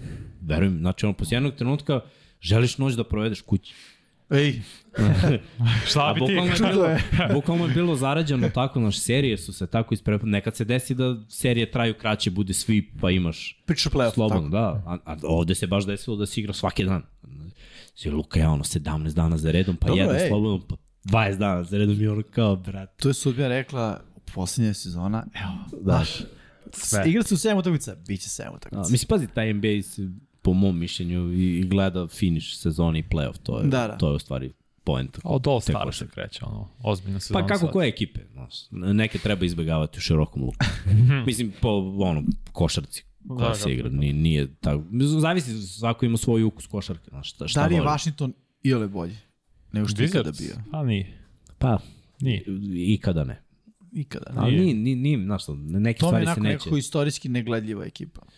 Pa dobro, kao i neke ekipe u NFL. Uvijek imaš te neke franšize. Jackson mi je bio negledljiv, mada i nije, imali su ono ups and downs. Pa da, imaš, eki, imaš ekipa koje uvek su bile teške. Evo ti uzmi Washington i u američkom futbolu. Jeste, Washington. Kad je Washington, osim one ere kad smo navijali Shona Taylora i njegov Da, us, Samo jednu godinu, ljudi. koliko ja pamtim, što sam pratio RG3, a te, te godine meni bilo RG3 sve. Jeste, Da, I to je to, jedna godina. ali te sve se poklopilo. Znaš, Da, da. Ono, Alfred Morris, 1500 Isto, da, yardi On je trčanjem. 46. Pravo, da, Jeste. pravo nijotkuda. Da. Ba, baš su spojili nekako ekipu i sve funkcionisalo. Čovječe, Jedna godina. Alfred Morris gde ga iskopao je. Pa sećam se, te godine on Dallas. ima najviše yardi. Jeste. Trčanje jeste. u Da, ligi. posle otišao u Dallas, tako je bio tamo drugi Ma- bek. Bio za Ezekiel. Jeste, ja mislim da jeste. Jednu godinu samo. Da. Ispušena muštikla.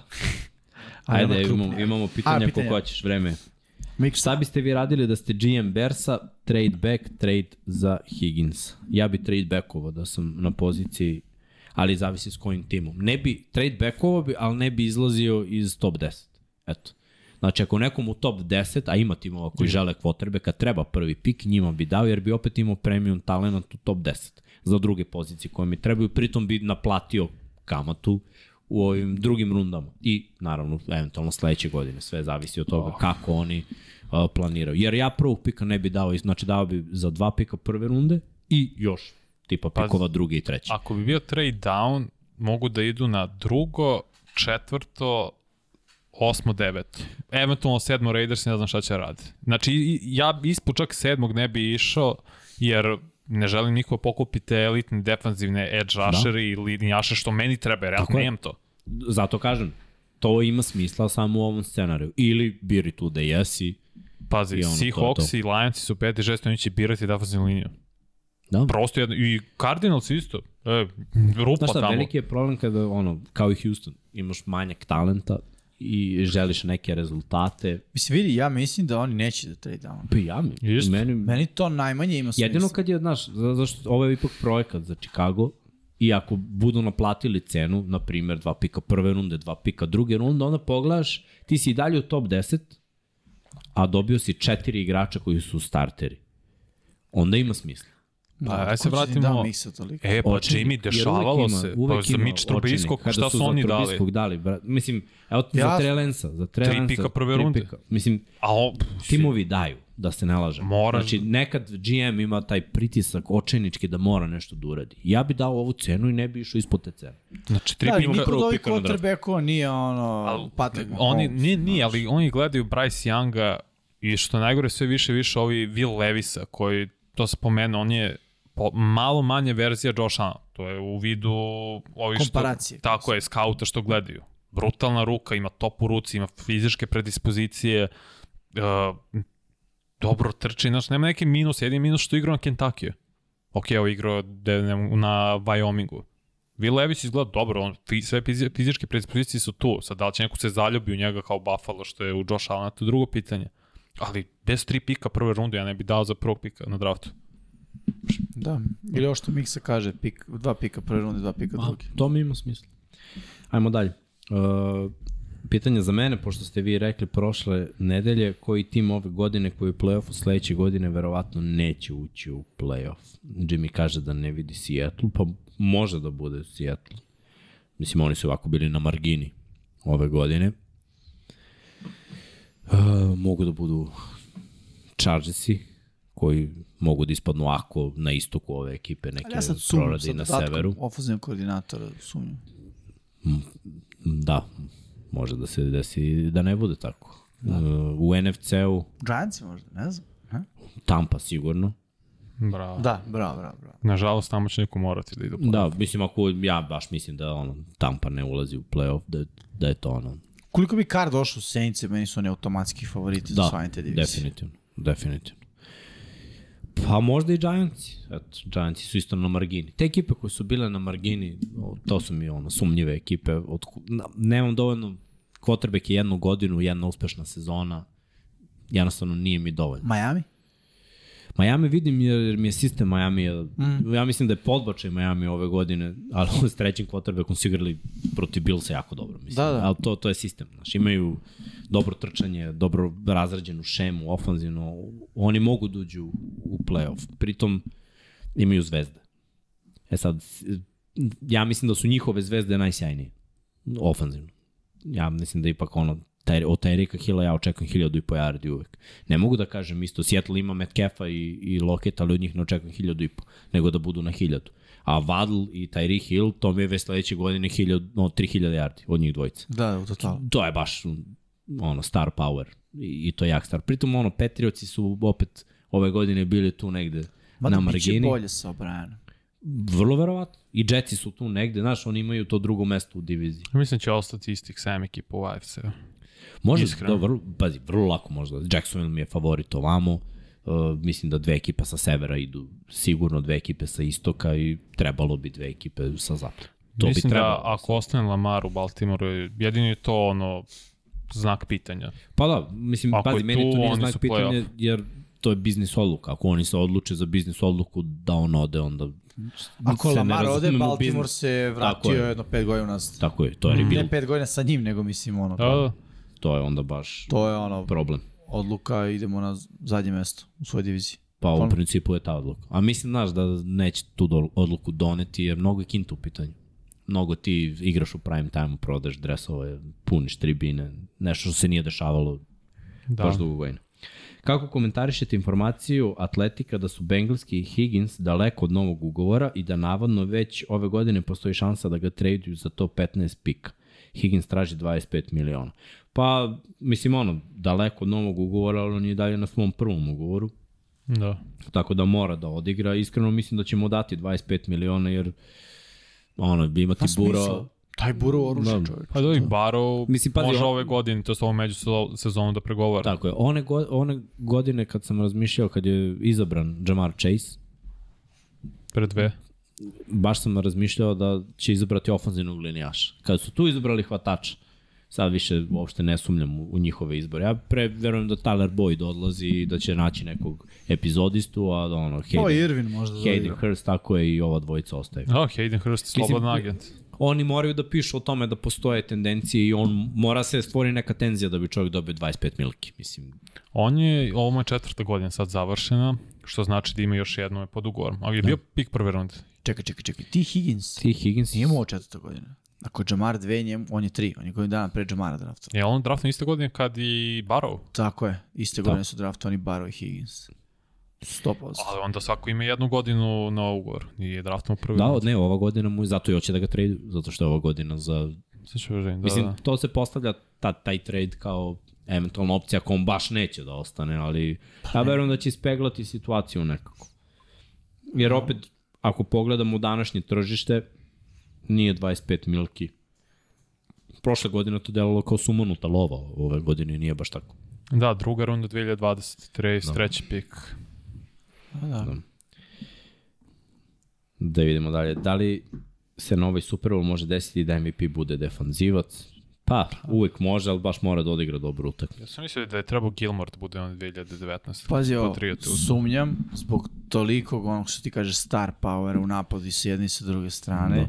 Ali ako bih morao sad da, da, da biram, rekao bih Hason Reddick. Pa da, ali mora da odradi... fambla koji je neko vratio za touchdown, ono, i još dva seka. Chris Jones isto ima onda dobar šans. Mislim da će Chris Jones biti neutralisan skroz na ovom meču. Pa ja sam baš na toga, da, da, brutalna ofenzivna linija. Chris Pogotovo- Jones protiv one sakate linije Bengalsa se naigrao, ali mislim da protiv No, ove... Kelsey, Dickerson i tako, to je malo, malo teže. Ba, e, ne znam šta je, koja je situacija sa Dickersonom zbog onog lakta. Imao je hiperekstenziju lakta Da, na, da, ali mislim da će igrati. na posljednji utakmici. Mislim, kad preneće mu, zalepit će ga selotipom ako treba igrati. Pa da. Sve može da se reši. Pitanje za Vanju. Mišljenje o Milesu Marfiju, Edgeu sa Clemsona, da li može pasti do desetog pika za film? Može, do, za da film da može. Mislim da će biti top 10 pik. Ja ga vidi, ja sam ga stavio da ide u Seahawkse kao petog pika, jer mislim da Will Anderson najbolji edge rusher sa Alabama, ali Murphy je bli, blizu druga pozicija. Mislim da on i Brian Brees, on je defensivni tackle sa Clemsona, će biti top 10 pikovi.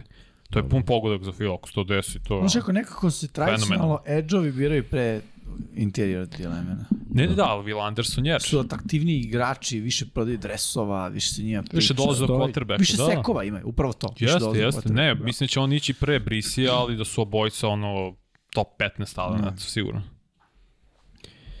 Jedno pitanje, ako je Brady bez govora broj 1, ko bi bio broj 2 u toj trci po vama? Bravo, znači, ono... Znaš, na ovde s- poziciji quarterbacka ili ikada?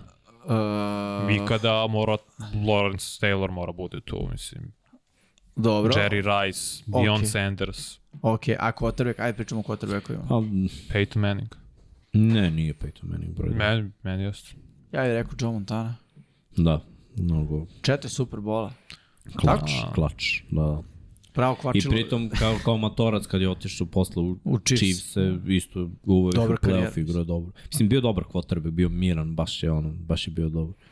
Mislim, imao je dobru ekipu, ali ono, Peyton je napravio veliku razliku, baš veliku razliku, ali ono, na, Peyton ima dva vremena. prstena, tako? Dva prstena i pet, Ila ima pet puta je prstena. bio MVP. Pa, Ila ima dva Ila prstena. i Dobro, da, nije, nije, nije samo Ja zbog, mislim da je pet puta bio. nije MVP. samo zbog prstenja, Ne, nego više zbog, spominjem. zbog nekog klač momenta i svega. Znaš, Peytonu je nekada Peyton je neko Tako malo falilo u poziciju nekim trenucima. quarterback. Sa reci tim mi, ridovima pre snapa, to je on, mislim, krenuo prvi da Pa radi. nije krenuo prvi da radi. Montana je ih je naučio igricu sve. Mislim, nije im džabe on svima bio idol. To Znači ono, Dobro, i- idol im je bio Marino zbog prangijanja i Montana zbog John tog Elway je klač bio- momenta.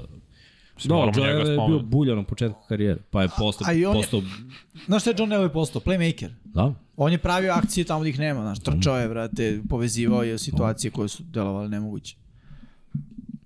Pet puta Da li MVP. Archie Manning osvajao Super Bowl, nije? Nije. ne. Pet puta čak. A ovaj njihov neće. Saintsima prvi Super Bowl je Neće. bio sa, sa Brisom. Bratanac. Od trećeg Manninga. E, on je sad ide sledeće godine Texas. Sad je već u Texasu. A Pa igrač- da, igraće od sledeće. Da, biće to zanimljiv. Zanimljiv prospekt, to jest i mladi igrač. Da, Da, Vidjet ćemo da, kako će se razvije. Kaže da je već prvi dan izgubio ličnu kartu. Znači da je žurka bila luda. Šta drugo, kako možeš izgubiš ličnu kartu iz prvi dan? Vidjet će, Možda mu neko ukrao. Gde ima Dux Vukova da se uzme? Jimmy. E, e, pravi tajming. Znači, Dukse i Vukova se poručuju jednom godišnje. I to je sada trenutak. Ako vam se poručuje, javite mi se, ja ću da vas povežem sa našim uh, momkom koji se bavi time i kod njega poručite Dux boju, mislim crna i bordo su u priči, veličinu. I u trenutku kada mu on kaže kad će stići, ta će stići, nelju dana gore dole. Nije do nas, ali ovaj, da, ne poručujemo ih često, uglavnom na početku sezone da se obnovi kolekcija. Tako da sad je pravi moment, odlično pitanje. Eto. Rešeno. Da, evo, reprezentativno Da. kako izgleda borba. Reprezent. Odličan je Dux. Jeste, jeste. Ovo je, mislim, ovo je mator Dux dosta. Da. Malo ima, drugačija. ima staža, sad je Da. boja, mislim, Malo drugačija, crvenija je da Ovo kažem. ima- Bordo je, ali crvenija. ovo ima 10 godina, da znate. Ovo je Dux. Ovo krug. Za 10 godina. Ali to nije ona prva tura, ja mislim, ili jeste? Ne, ovo je prva tura. je prva tura. Da. Postaje u druga tura je bila malo ja sam drugi, i ta je moj- ostala boja. Ja Posle. sam moj prve ture poklonio, ovaj, a druga... Zašto ti ne nosiš Dux 99 yardi? To meni nije jasno. Zaborio sam ga vuču. Sad će preslačenje To što sam da ovde, pa- Vanja, mogu si da me podsjetiš. Sad Nije će tvoje, pre- moje, ali samo kažem, ali bar nosim ovaj bez ikakve identifikacije, boja. Sad, to što- Nemoj beđe, ne volim beđe. Nemam beđe. To je kazna da nosim beđe. Samo nisam lik za beđe. Neko beđe, taj reč mi zvuči baš nekako Beč? skoro povredljivo. Da. Što? Nemam pojma, kao, vidi ga. Kao. Da li ima šanse za Kara u Saintsima ili su to samo priče kako bi se A, uklopio? eto. Marko Hector navija za Saintse, znam, zato i pit. Ja mislim da, da bi bio dobra opcija s obzirom Isto. da... Mislim, Derek Carr je dobar quarterback i voli kad ima, mislim, u svojoj karijeri obično nije imao mnogo opcija i ove godine kad se poklopilo, Voler se povredio, Renfro nije igrao jedan Na deo. tom nivou. Baš mu nije išlo, ono imao je samo Devonta i mislim napravio Hollinsa realno ove godine na mm. solidnog Ali hvatača. šta, je, šta ima u Saintsima? Olave? Evo. E, Michael Thomas. Ali šta je Michael Thomas? Jarvis? Jarvis. Ko je bio povređen? Michael, Michael ne računam, Michael mislim, ja Thomas. mislim da on šta? ide. Da, on, go, Da, da, pa mislim u posljednje tri godine je odigrao par Pa, tekmi samo. Jarvis Landry isto bio povređen. Mislim. Ali, Ali ja mislim da je to bio load management sa njim. Da, Znaš, kada je mislim da sezona otišla do ono, dobra ga, onda je bilo sedi na klupu. Da. Da. On je veteran. Treba... ovaj Olave, tight end im je dobar. kako se zove? Mislim da je, da je James. Da li je Johnson. Joan James ili Johnson. Juan Johnson. Juan Juan Johnson. Johnson. Jeste. Ja, bio je produktivan, a to je Jeste. touchdown, bio dobar ove godine. Olave, Da, definitivno. pa i da kažeš ovi Olave treba bude opcija broj 1. Mislim Pa da je... ne, ne Pa, gledaj, da je treba, bre. forsirat će. Mislim, oni Jarvis su tako opasni sa, znaš, Titanu i meni to deluje dovoljno dobro. Pritom imaju i ove još, još par ovih koji su im bili na margini, Deontay Harris i ovaj, Jeste. kako se zove, visoki ovaj momak, 6'5, što je što je u predsezoni zgrmeo. Kvez, uh, nije Kvez Watkins, Nije Quez, nego znam na koga misliš, što je i prošle godine on je tamo Jeste, ima pa... Markiz, Da, Mark K- Viz, Kolovej. Markviz, Kol, uh, Golvej, Golvej, tako nešto. uh, Callaway, valjda. Kalo, Tako nešto. Tako nešto. nešto, da, je, da. ali kakav zajednički napad uma, brate. Nije bio dovoljno dobar da ga Da, zapamtim. Markiz, da, da, da, da, broj 1, broj 1, bravo, broj 1. Da, Da. da, da, reč od osam slova. Treća reč. Inače. Kevin White je bre za njih odigrao malo. Da, čoveče, Ja, vratio se iz, ono, Dobro, pa si rekao- Inače, originalni Joe Cool je Joe Montana, da. Jest, dobro pa si rekao da. Kevin Benjamin se vratio. No, on možda se vrati samo k ofenzivnoj linijaš. E, Inače, još jedna vest koja je stigla među vremenu da su Las Vegas Raidersi dali dozvolu Karu da razgovara sa, sa kim god želi. Pazi, da imaju dve što nedelje što- kad traduju. Da ne ide na njihov cap. Da. Tako da, Pa morali su... Kar pričaj, ono, da pričam Pa i do- tebe. Dobra je to priča. Mislim, ako, ako prođe tipa 15 ili 16, ako se ne varam, dobar deo ide na njihov cap, da li, to, da li je 30 miliona ili možda manje, moram tačno proverim, ali ako ga do tada ne traduju, on i jako ga kataju, osta- ide na cap njima.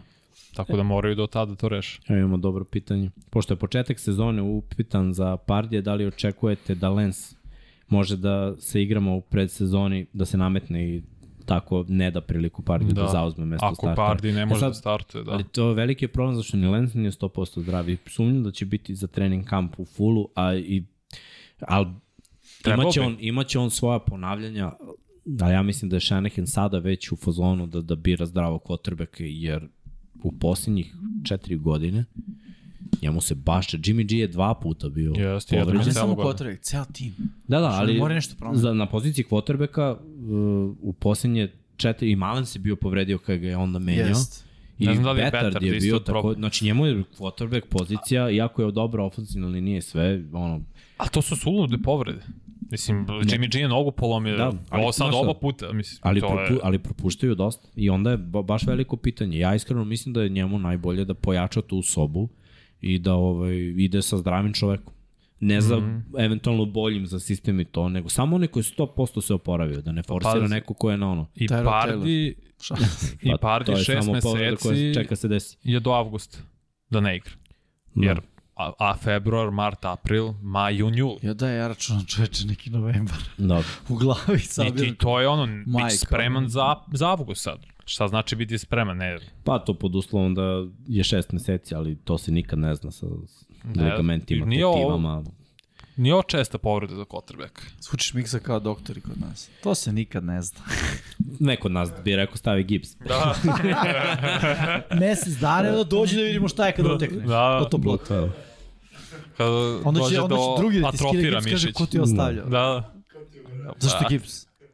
Ne, Uh, pitanje za Miksu, da li je video dva holdinga u posljednjoj akciji Chiefs? Video sam, ali na toj utakmici sam video, ne, ne, video sam mnogo, pa ne, pričali smo na toj utakmici, bilo je holdinga obostranih, na, koje su, ovaj, nisu suđeni.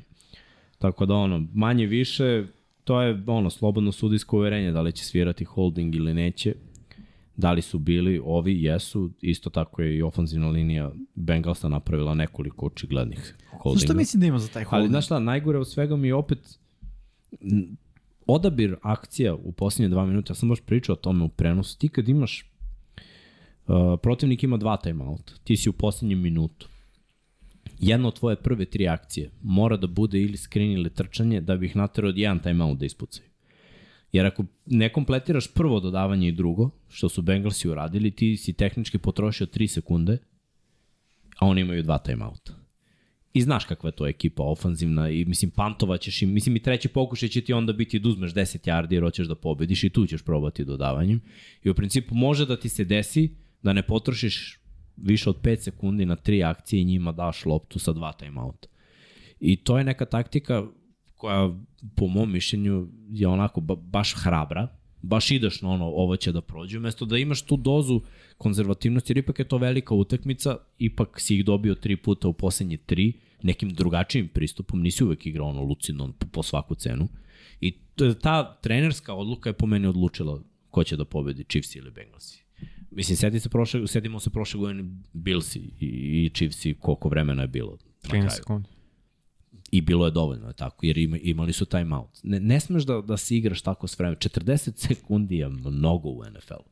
Trebalo je po svaku cenu tu ići, znači, na produžetak i field goal, a ne ono, mi osvajamo ovde novi pred. Stavit ću samo dodatak, to je mnogo za dobre quarterbackove.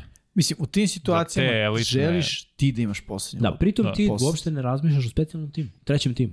Taj return je bio za 25 Sky Moore, yardi. tako je. 45 yardi došao. Svojih, ali to je Ali još 20 15 nešto. Tako yardi je. napretka i eto Tako te. je, tako je. Koliko je bilo kazna na kraju. Mislim, plus ona yardi što je trčao na Holmes. Mislim, i ta kazna je bila glupost. Tako da, znaš šta, prvo nadmenost, loš odabir akcija, pa onda loša intervencija specijalnog tima, jer nisu držali outside contain, na sve to ti dozvoljavaš trčanje s polja, nebitno da li je bio holding i bez ikakve potrebe udaraš čovjek 60 yardi ili 45 yardi na raz- minusu na sa vetru, kamenom ono. loptom je velika razlika. Pritom je vetar i duvo. Tako da ono, malo po malo, malo po malo, ako uzmemo samo taj posljednji minut kao uzorak, tu je bilo više razloga za, za poraz Bengalsa. Jednostavno su bili nadigrani, nadkoučovani Da. u, od strane napada, odbrane i specijalnog tima Chiefs. I znaš ono, pobedio si u četiri segmenta koji odlučuju. Mora da. pobediš tekmu na kraju. Znači dobijati i napad i odbrana i specijalni tim i trener. Ja bih sa samo na, na temu tih holdinga dodao još jednu stvar.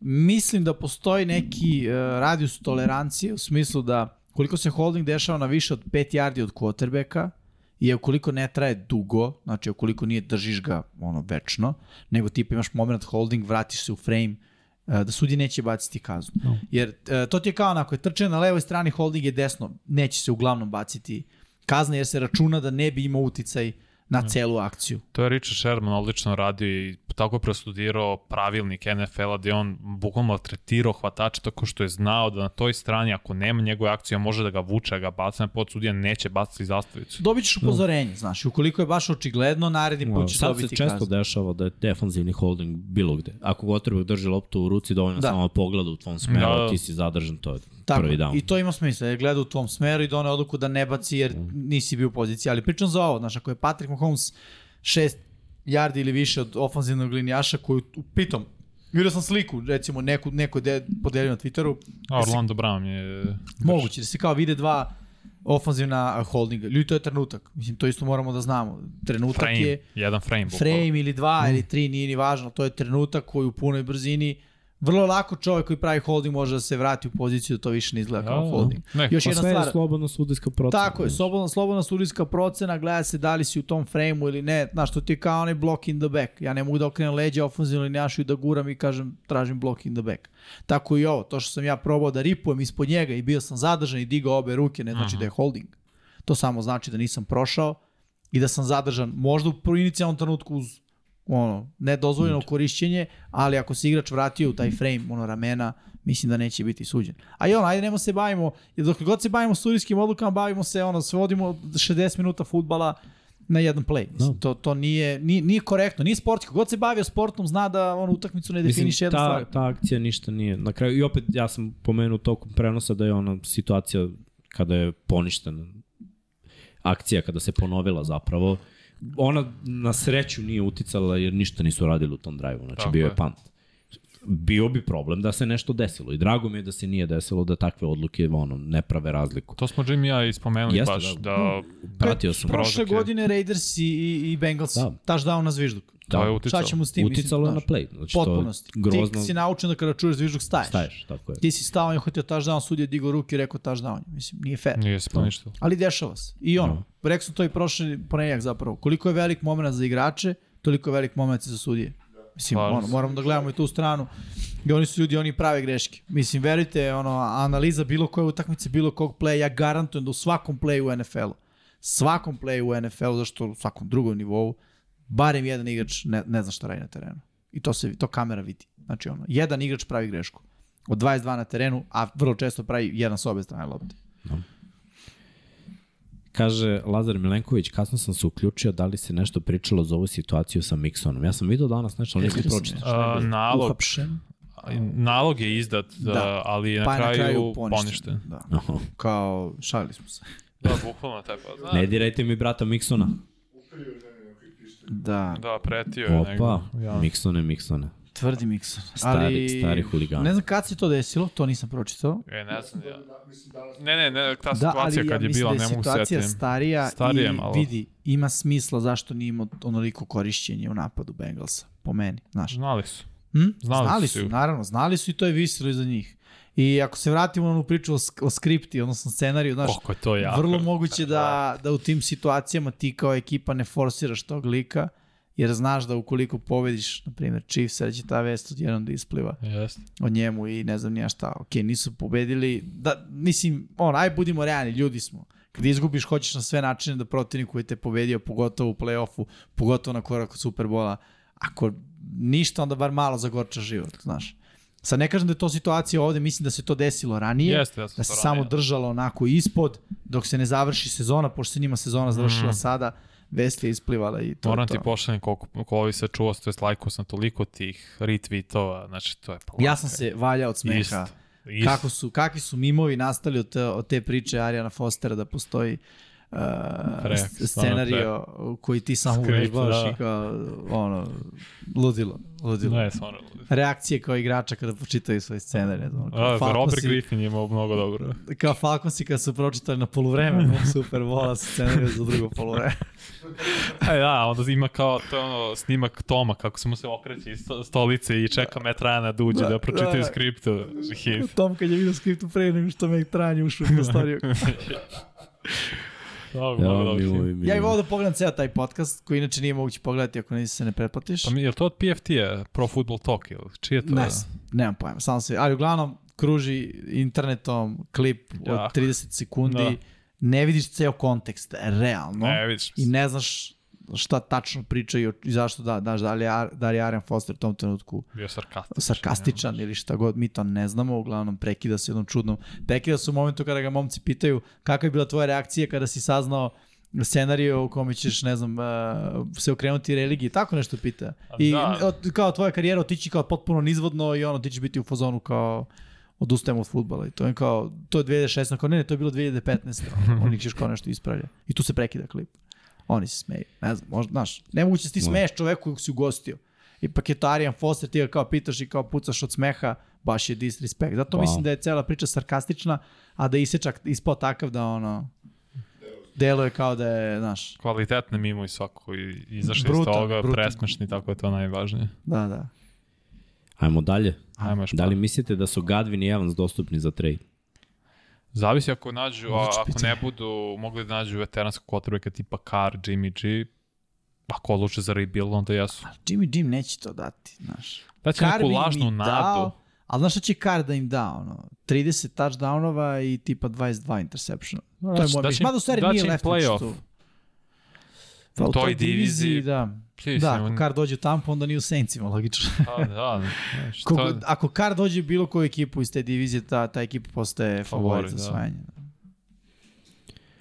Šta se priča koji će kube u Raiderse? To ne se... da To ja, nema ne- ništa. ne ja sam mislio da je Tom, iskreno, sad kada je otišao u penziju, ne, Nije sigurno. Ne znam, možda Ne draftuju, nema pojma. Ne Mislim, znaš, ne možemo da znamo McDanielsa jer uh, on je ceo karijeru imao Toma. Imao je ono malo u kolcima, tako? Pa da, ne, u Denver, Tim Tebow. Da, u Denver. Da, da, tim, E, za knjigu Dinastija imam ovde pitanje, sad vidim. Ovaj, kaže, počeo je februar, sledeće nedelje Super Bowl, kad nam stiže Dinastija. To moramo da sačekamo srđan, on verovatno zna tačan datum, ali tako smo rekli oko Super Bowla, tako da i ja očekujem da će to biti uskoro. Da. ne, Nije stigla skript. da. da. ja, hit.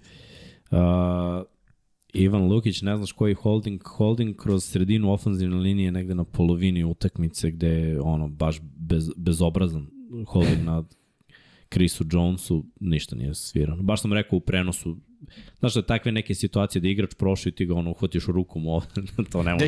Get To over ne može sudijama da promakne, znači nikako to nije bilo okarakterisano kao, kao, kao holding, ali znaš šta, to su situacije koje opet ne bi to mnogo promenilo da, da je coaching bio bolji ovako. Mislim, znaš, da, da je samo Mahomes izašao u out, to bi bio field goal za 60 yardi i to, ako Harrison Butker koji ove godine promašio 10 puta pogodi ono, idi u Super Bowl, bukvalno. Ali pre toga su oni imali, mislim, Ja, Jure seti 10 se yardi nečega. bacio 30 i ovaj poslednjih 40 sekundi, ono, 3 downa, 5 sekundi. To, to je užas. Ja, ja tako ne bi ovaj, nikako vo- vodio ekipu. Gledao bi konzervativnije, možda je to greška, ali bi imao produžetak, a ove godine u produžetku možda odgovoriš. I, I mislim da Bengalsima zapravo više odgovara ta sloboda kada igraju, da imaju vremena, jer su i u finišu prvog polovremena ostali kratki za Mm, 5 sekundi da daju touchdown. I na kraju su bocnuli trojku, Tri, 5 tako ili je. 10 sekundi. Da. Da. da su imali malo više vremena, oni su ekipa koja očigledno to treba. Setio se jednog odličnog pitanja za free bet, ali to ćemo u ponedljak, baš nešto vezano za kikere. Gledao sam nešto skoro za Atlanta Falconci kad su igrali Super Bowl 99 protiv Denvera. kakav je to tim, kako to, te priče, to ludilo, polno Eugene Robinson, kako debilo čoveka što je uradio. Ne, ne možeš da veruješ. Ima odlično to na Ne YouTube-u. vređamo čovek. Čim je, priča si posle što je uradio. Pobožan čovjek, inače. On? Šatro. Pa dobro, znaš, kao, No, posle sulud. gluposti moraš da se okreneš religiji. Sulud. Sad, tad je bio pobožan. Pa je, Dinastija, Dosta. dinastija se štampa u Chileu. ja, preko. Samo ti kažem da Jimmy mora sad pročita Patreon, pošto nije u ponedljak. O, Vanja, ne moram. Znači, popio sam Da. da. jedan sek i... Jimmy se, Jimmy Ne se sekao. Mislim, vreme je da, da privodimo kraju. Jest. Kad si zakazao Luku i Kuzmu? Pa pola jedan baš. To je to. To je to. Ništa, ovaj, da se pozdravljamo, ta pitanja koja ste postavili smo pročitali, nismo se dotakli Superbola. Ove nedelje nema potrebe, mislim da je sledeća nedelja onako prava mm. prilika da se najavi. Ovo je bilo za, ovo, za ovih par potpisivanja za penzionisanje Toma Brady. Naravno, mi moramo da ostanemo dosadni našem terminu. Prošle nedelje smo se malo pomerili. Dobro, ono, bilo je subota za nedelju, najava. I mislim da smo igrom slučaja imali dobar injury report, jer je bilo dan za dan. Mm. Bukvalno smo sve znali šta će da bude. Nisu utisci baš opravdali ono, mi smo očekivali malo više, ja mislim, od onoga što smo dobili, ali ajte da kažemo da, da dve ekipe koje ćemo videti u Superbolu su posljednjih 5-6 godina dva, ono, drugi ili treći put u, u Prvo nas Superbolu. ove i- godine dve najbolje ekipe u konferencijama. Da, Prva, prvi sid ovamo, prvi sid da. onamo i da vidimo. Samo je različit stil futbola totalno. Znači gledat ćemo ono, finesu protiv fizikalije. Tačno. Tako da me baš zanima ovaj, da vidim do sledeće nedelje. Bilo sam injury report malo ove nedelje, ali za sledeće onako ko će biti tu na, na 100% ako neće. A vi sva pitanja koje imate slobodno pišete kao što obično ste to i radili do sada. Svako ko je dobio ovaj uh, free bet, neka iskoristi. Ako niste, možete i vi da iskoristite promo kod 99 yardi kada napravite prvi put akaunt na Admiralu i da iskoristite taj bonus, da se kladite. Svaki bonus koji dobijete traje 4 dana, eto to da znate, nakon 4 dana bonus nestaje i is, isčezava. Tako da, što se tiče naših majci, šopa, slobodno, Duks, tu je. Vanja, za dukseve, Sek pivo, ako želite da se sekujete, 10% alkohol ili 9, Daj, 9 Jimmy. da budem precizniji. E... Jimmy se, Jimmy se već Daj sekao, tu daj, je daj kadar Jimmy. to ti kažem. Daj kadar sek. sek Ovako. po sek. Nice. Da budete zen kao knjiga što kaže iza Jimmya. I do sledećeg petka, Pa nije pet, a? ponedljak. U ponedljak? Da, u ponedjak ćemo. I u ponedljak i u petak. Pa znaš kako, ideju. hoćeš da ti kažeš sad ideju ili posle? Kažem Kaži sad, nema veze. Pa ideja mi je da u ponedljak uradimo bukvalno recap i sezone Chiefs i Eagles kako su došli u Super Bowl. Road to Super Bowl. Znaš, Dobro. Počnemo sa hype, malo pričamo o flagu, kako je bilo. malo to I otvorimo. uradimo Road to Super Bowl iz nedelje u nedelju, kako je ekipa sklapana u predsezone, kad je ko došao od no, noviteta. Mm. I Kažu, da, ono, raspored izbacimo, prolazimo tekmu po tekmu postepeno i petak striktno Super Bowl. Analiza, match-upovi, šta, kako. u odelima svi, a? Može. Ja, ne prihvatam model. Da, bar Sam šuga. ja jednom rekao, nikad stalni posao, nikad kravata, nikad deca. E, kod ovog trećeg. Tu se ne pitaš baš. A? Šalim se, ne, po- podržavam ekipu, ako vi želite, mogu ja. Dogovorit ćemo se. Ovaj, što se tiče Patreona, da li je video spreman? Još jednom ljudi, hvala svima koji nas podržavaju preko Patreona. Pomogu prom. Ovaj, što nas podržavate preko Patreona i što ste naši članovi, svetioničari na, na YouTube-u, lajkujte, učlanite se, podržite ekipu u ovome što se radi. Mislim da smo vam približili NFL na jednom boljem nivou i na, nama baš prija kad je ovako feedback dobar. Eto, mali su ono, mali je napredak svake godine, ove godine i ova sponzorstva i uvek ima više od 300 ljudi u live-u i konačno imamo naš merch, nešto što smo baš teli i dukseve i majici sve i, I radimo lepo na što tome da to grafike, bude. mislim, da. realno pohvalim Tako je. Peru, tu stvarno se potrudio, tako da ono. Sve, da, je, sve je nekako i nama lakše i lepše toliko da, da možemo i dva puta nedeljno da odradimo. I, i da. da. to ne bude neki ono preveliki teret. Tako da još jednom hvala vama i dajte Udarite da like, Patreon. Pa da, Da, Patreon i Patreon, odjavit ćemo pa se. Pa odjavimo. ne, pa šta odivimo se sad. Pa ajde, može. Odimo Baš sad, tako. pa onda samo Patreon i... Ma, I špica. I, i srki klik. Dobro. Dobro, ajde. Veliki pozdrav iz Infinity Lighthouse studija i ćao Ćao svima. svima. Ja se- Jelena Mak, Marina Mihajlović, Vladan Krstić, Aleksandar, Milan Nešković, optimistik Joe Allen, Petar Elić, Darko Trajković, Kristijan Šestak, Dorijan Kablar, Nikola Grujičić, Filip, Igor Vučković, Jasmina Pešić, Zoran Cimeša, Branimir Kovačev, Mlado Tešić, Dušan Delić, Ferenc Laslofi, Ivan Rečević, Branislav Marković, Sava Dugi, Žarko Milić, Dušan Petrović, Đorđe Milanović, nisam pročitao Marko. Bogavac, ovo mora da se uspori. Aleksa Vuče, Vojin Kostić, Novak Tomić, Borislav Vukojević, Boris Gvozden, E. Prelić, Šmele, Andreja Miladinović, Dimitrije Mišić, Đorđe Đukić, Neđo Mališić, Kimi Rajkonen, Predrag Simić, Marko Hord, Luka Manitašević, Nebojša Živanović, Nikola Stojanović, Vlada Ivanović, Anonimus Donatorus, Grgo Živaljić, Đorđe Radojević i Antonio Toni Novak, Novak, Borislav Jovanović, Aleksa Lilić, Marko Kozić, Nemanja, aj probaj, Mata Matejas. Šopta, Alin Stojičić, Jugoslav Krasnić, Danka, Zorana Vidić, Toni Ruščić, Miloš Vuletić, Tijana Vidanović, Aleksa Valter, Marin Antunović, Danijela Ilić, Ivan Ciger, Lazar Pejović, Andrej Božo, Stefan Lešnjak, Andrija Todorović, Bojan Markov, Bojan Mijatović, Mihajlo Krgović, Jelena Jeremić, Nikola Božinović, Živojin Petković, Dejan Đokić, Marko Petrkanović, Boris Serceg, Branislav Kovačević, Matija Binoto, Luka Martinović, Marko Ćurčić, Đurđica Martinović, Đole Bronkos, Zoltan Mezeji, Anonimus Donatorus, Da žena ne sazna, Stefan Milošević, Aleksandar Antonović, Branimir Rivajec, Safet Isljami, Miloš Radosavljević, LFC, Mir Mešić. Stefan Vidić, Ivan Simunović, Nenad Đorđević, Boris Golubar, Milan Todorović, Boris Bisački, Josip Kovačić, Ognjen Marinković, Veselin Vukićević, Salim Vukanović, Miroslav Cvetić, Ivan Maksimović, Goša 46, Stefan Dulić, Vladimir Filipović, Paketar, Bakter Abdullah, nema šanse, Crnogorski, Crnogorski džedaj, Aleksandar Đurić, Marko Mostarac, Matija Rajić, Zoran Šalamun, Sead Šantić, Jelena Veljković, Nemanja Miloradović, Boris Kujundžić, Zoran Majdov, Ivan Toškov, Borko Bužunović, Džigi Bau, Alen Vuletić, Ivan Milatović, Žorž, Ivan,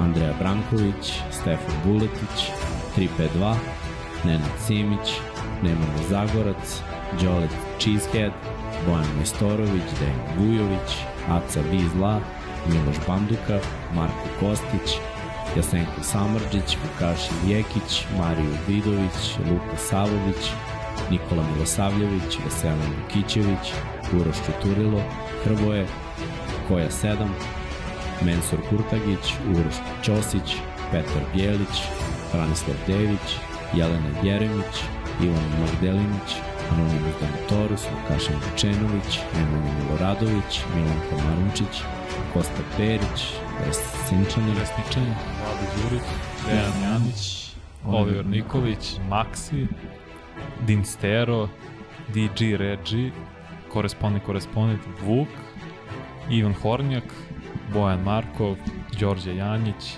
Ivan Božanić, Toni Soni 76, Kro Robin 00, Ljiljana Milutinović, Toleador, Nikola Vulović, Almir Vuk, Ivana Vesković, Aleksandar Nikolić, Marko Stojković, Igor Ninić, Bojan Pejković, Marina Milan Knežević, Aleks Vulović, Aleksandar Kockar, Vlada Ivanović, još koliko? Marakoš, Bakadu, Almerin Ahmetović, Nikola Niksi, Drago Veković, Nemanja Bračko, Bojan Kitarić, Nemanja Cimbaljević, Saša Stefanović, Stevanović, pardon, Galeksić, Nikola Kojić, Igor Ilić, Nikola Grđan, Ivan Vincetić, Nikola Božović, Milad Reljić, MS Trtin, Miloš Stanimirović, Miloš ZLFC, Alen Jesenović, Poča Pero, Ivan Vujasinović, Sejdo Mujčić, Tatjana Lemajić, Zlatko Marić, Aleksandar R ili P, Pavle Lukić, Nemanja i to je to i pusti špicu. Ćao se.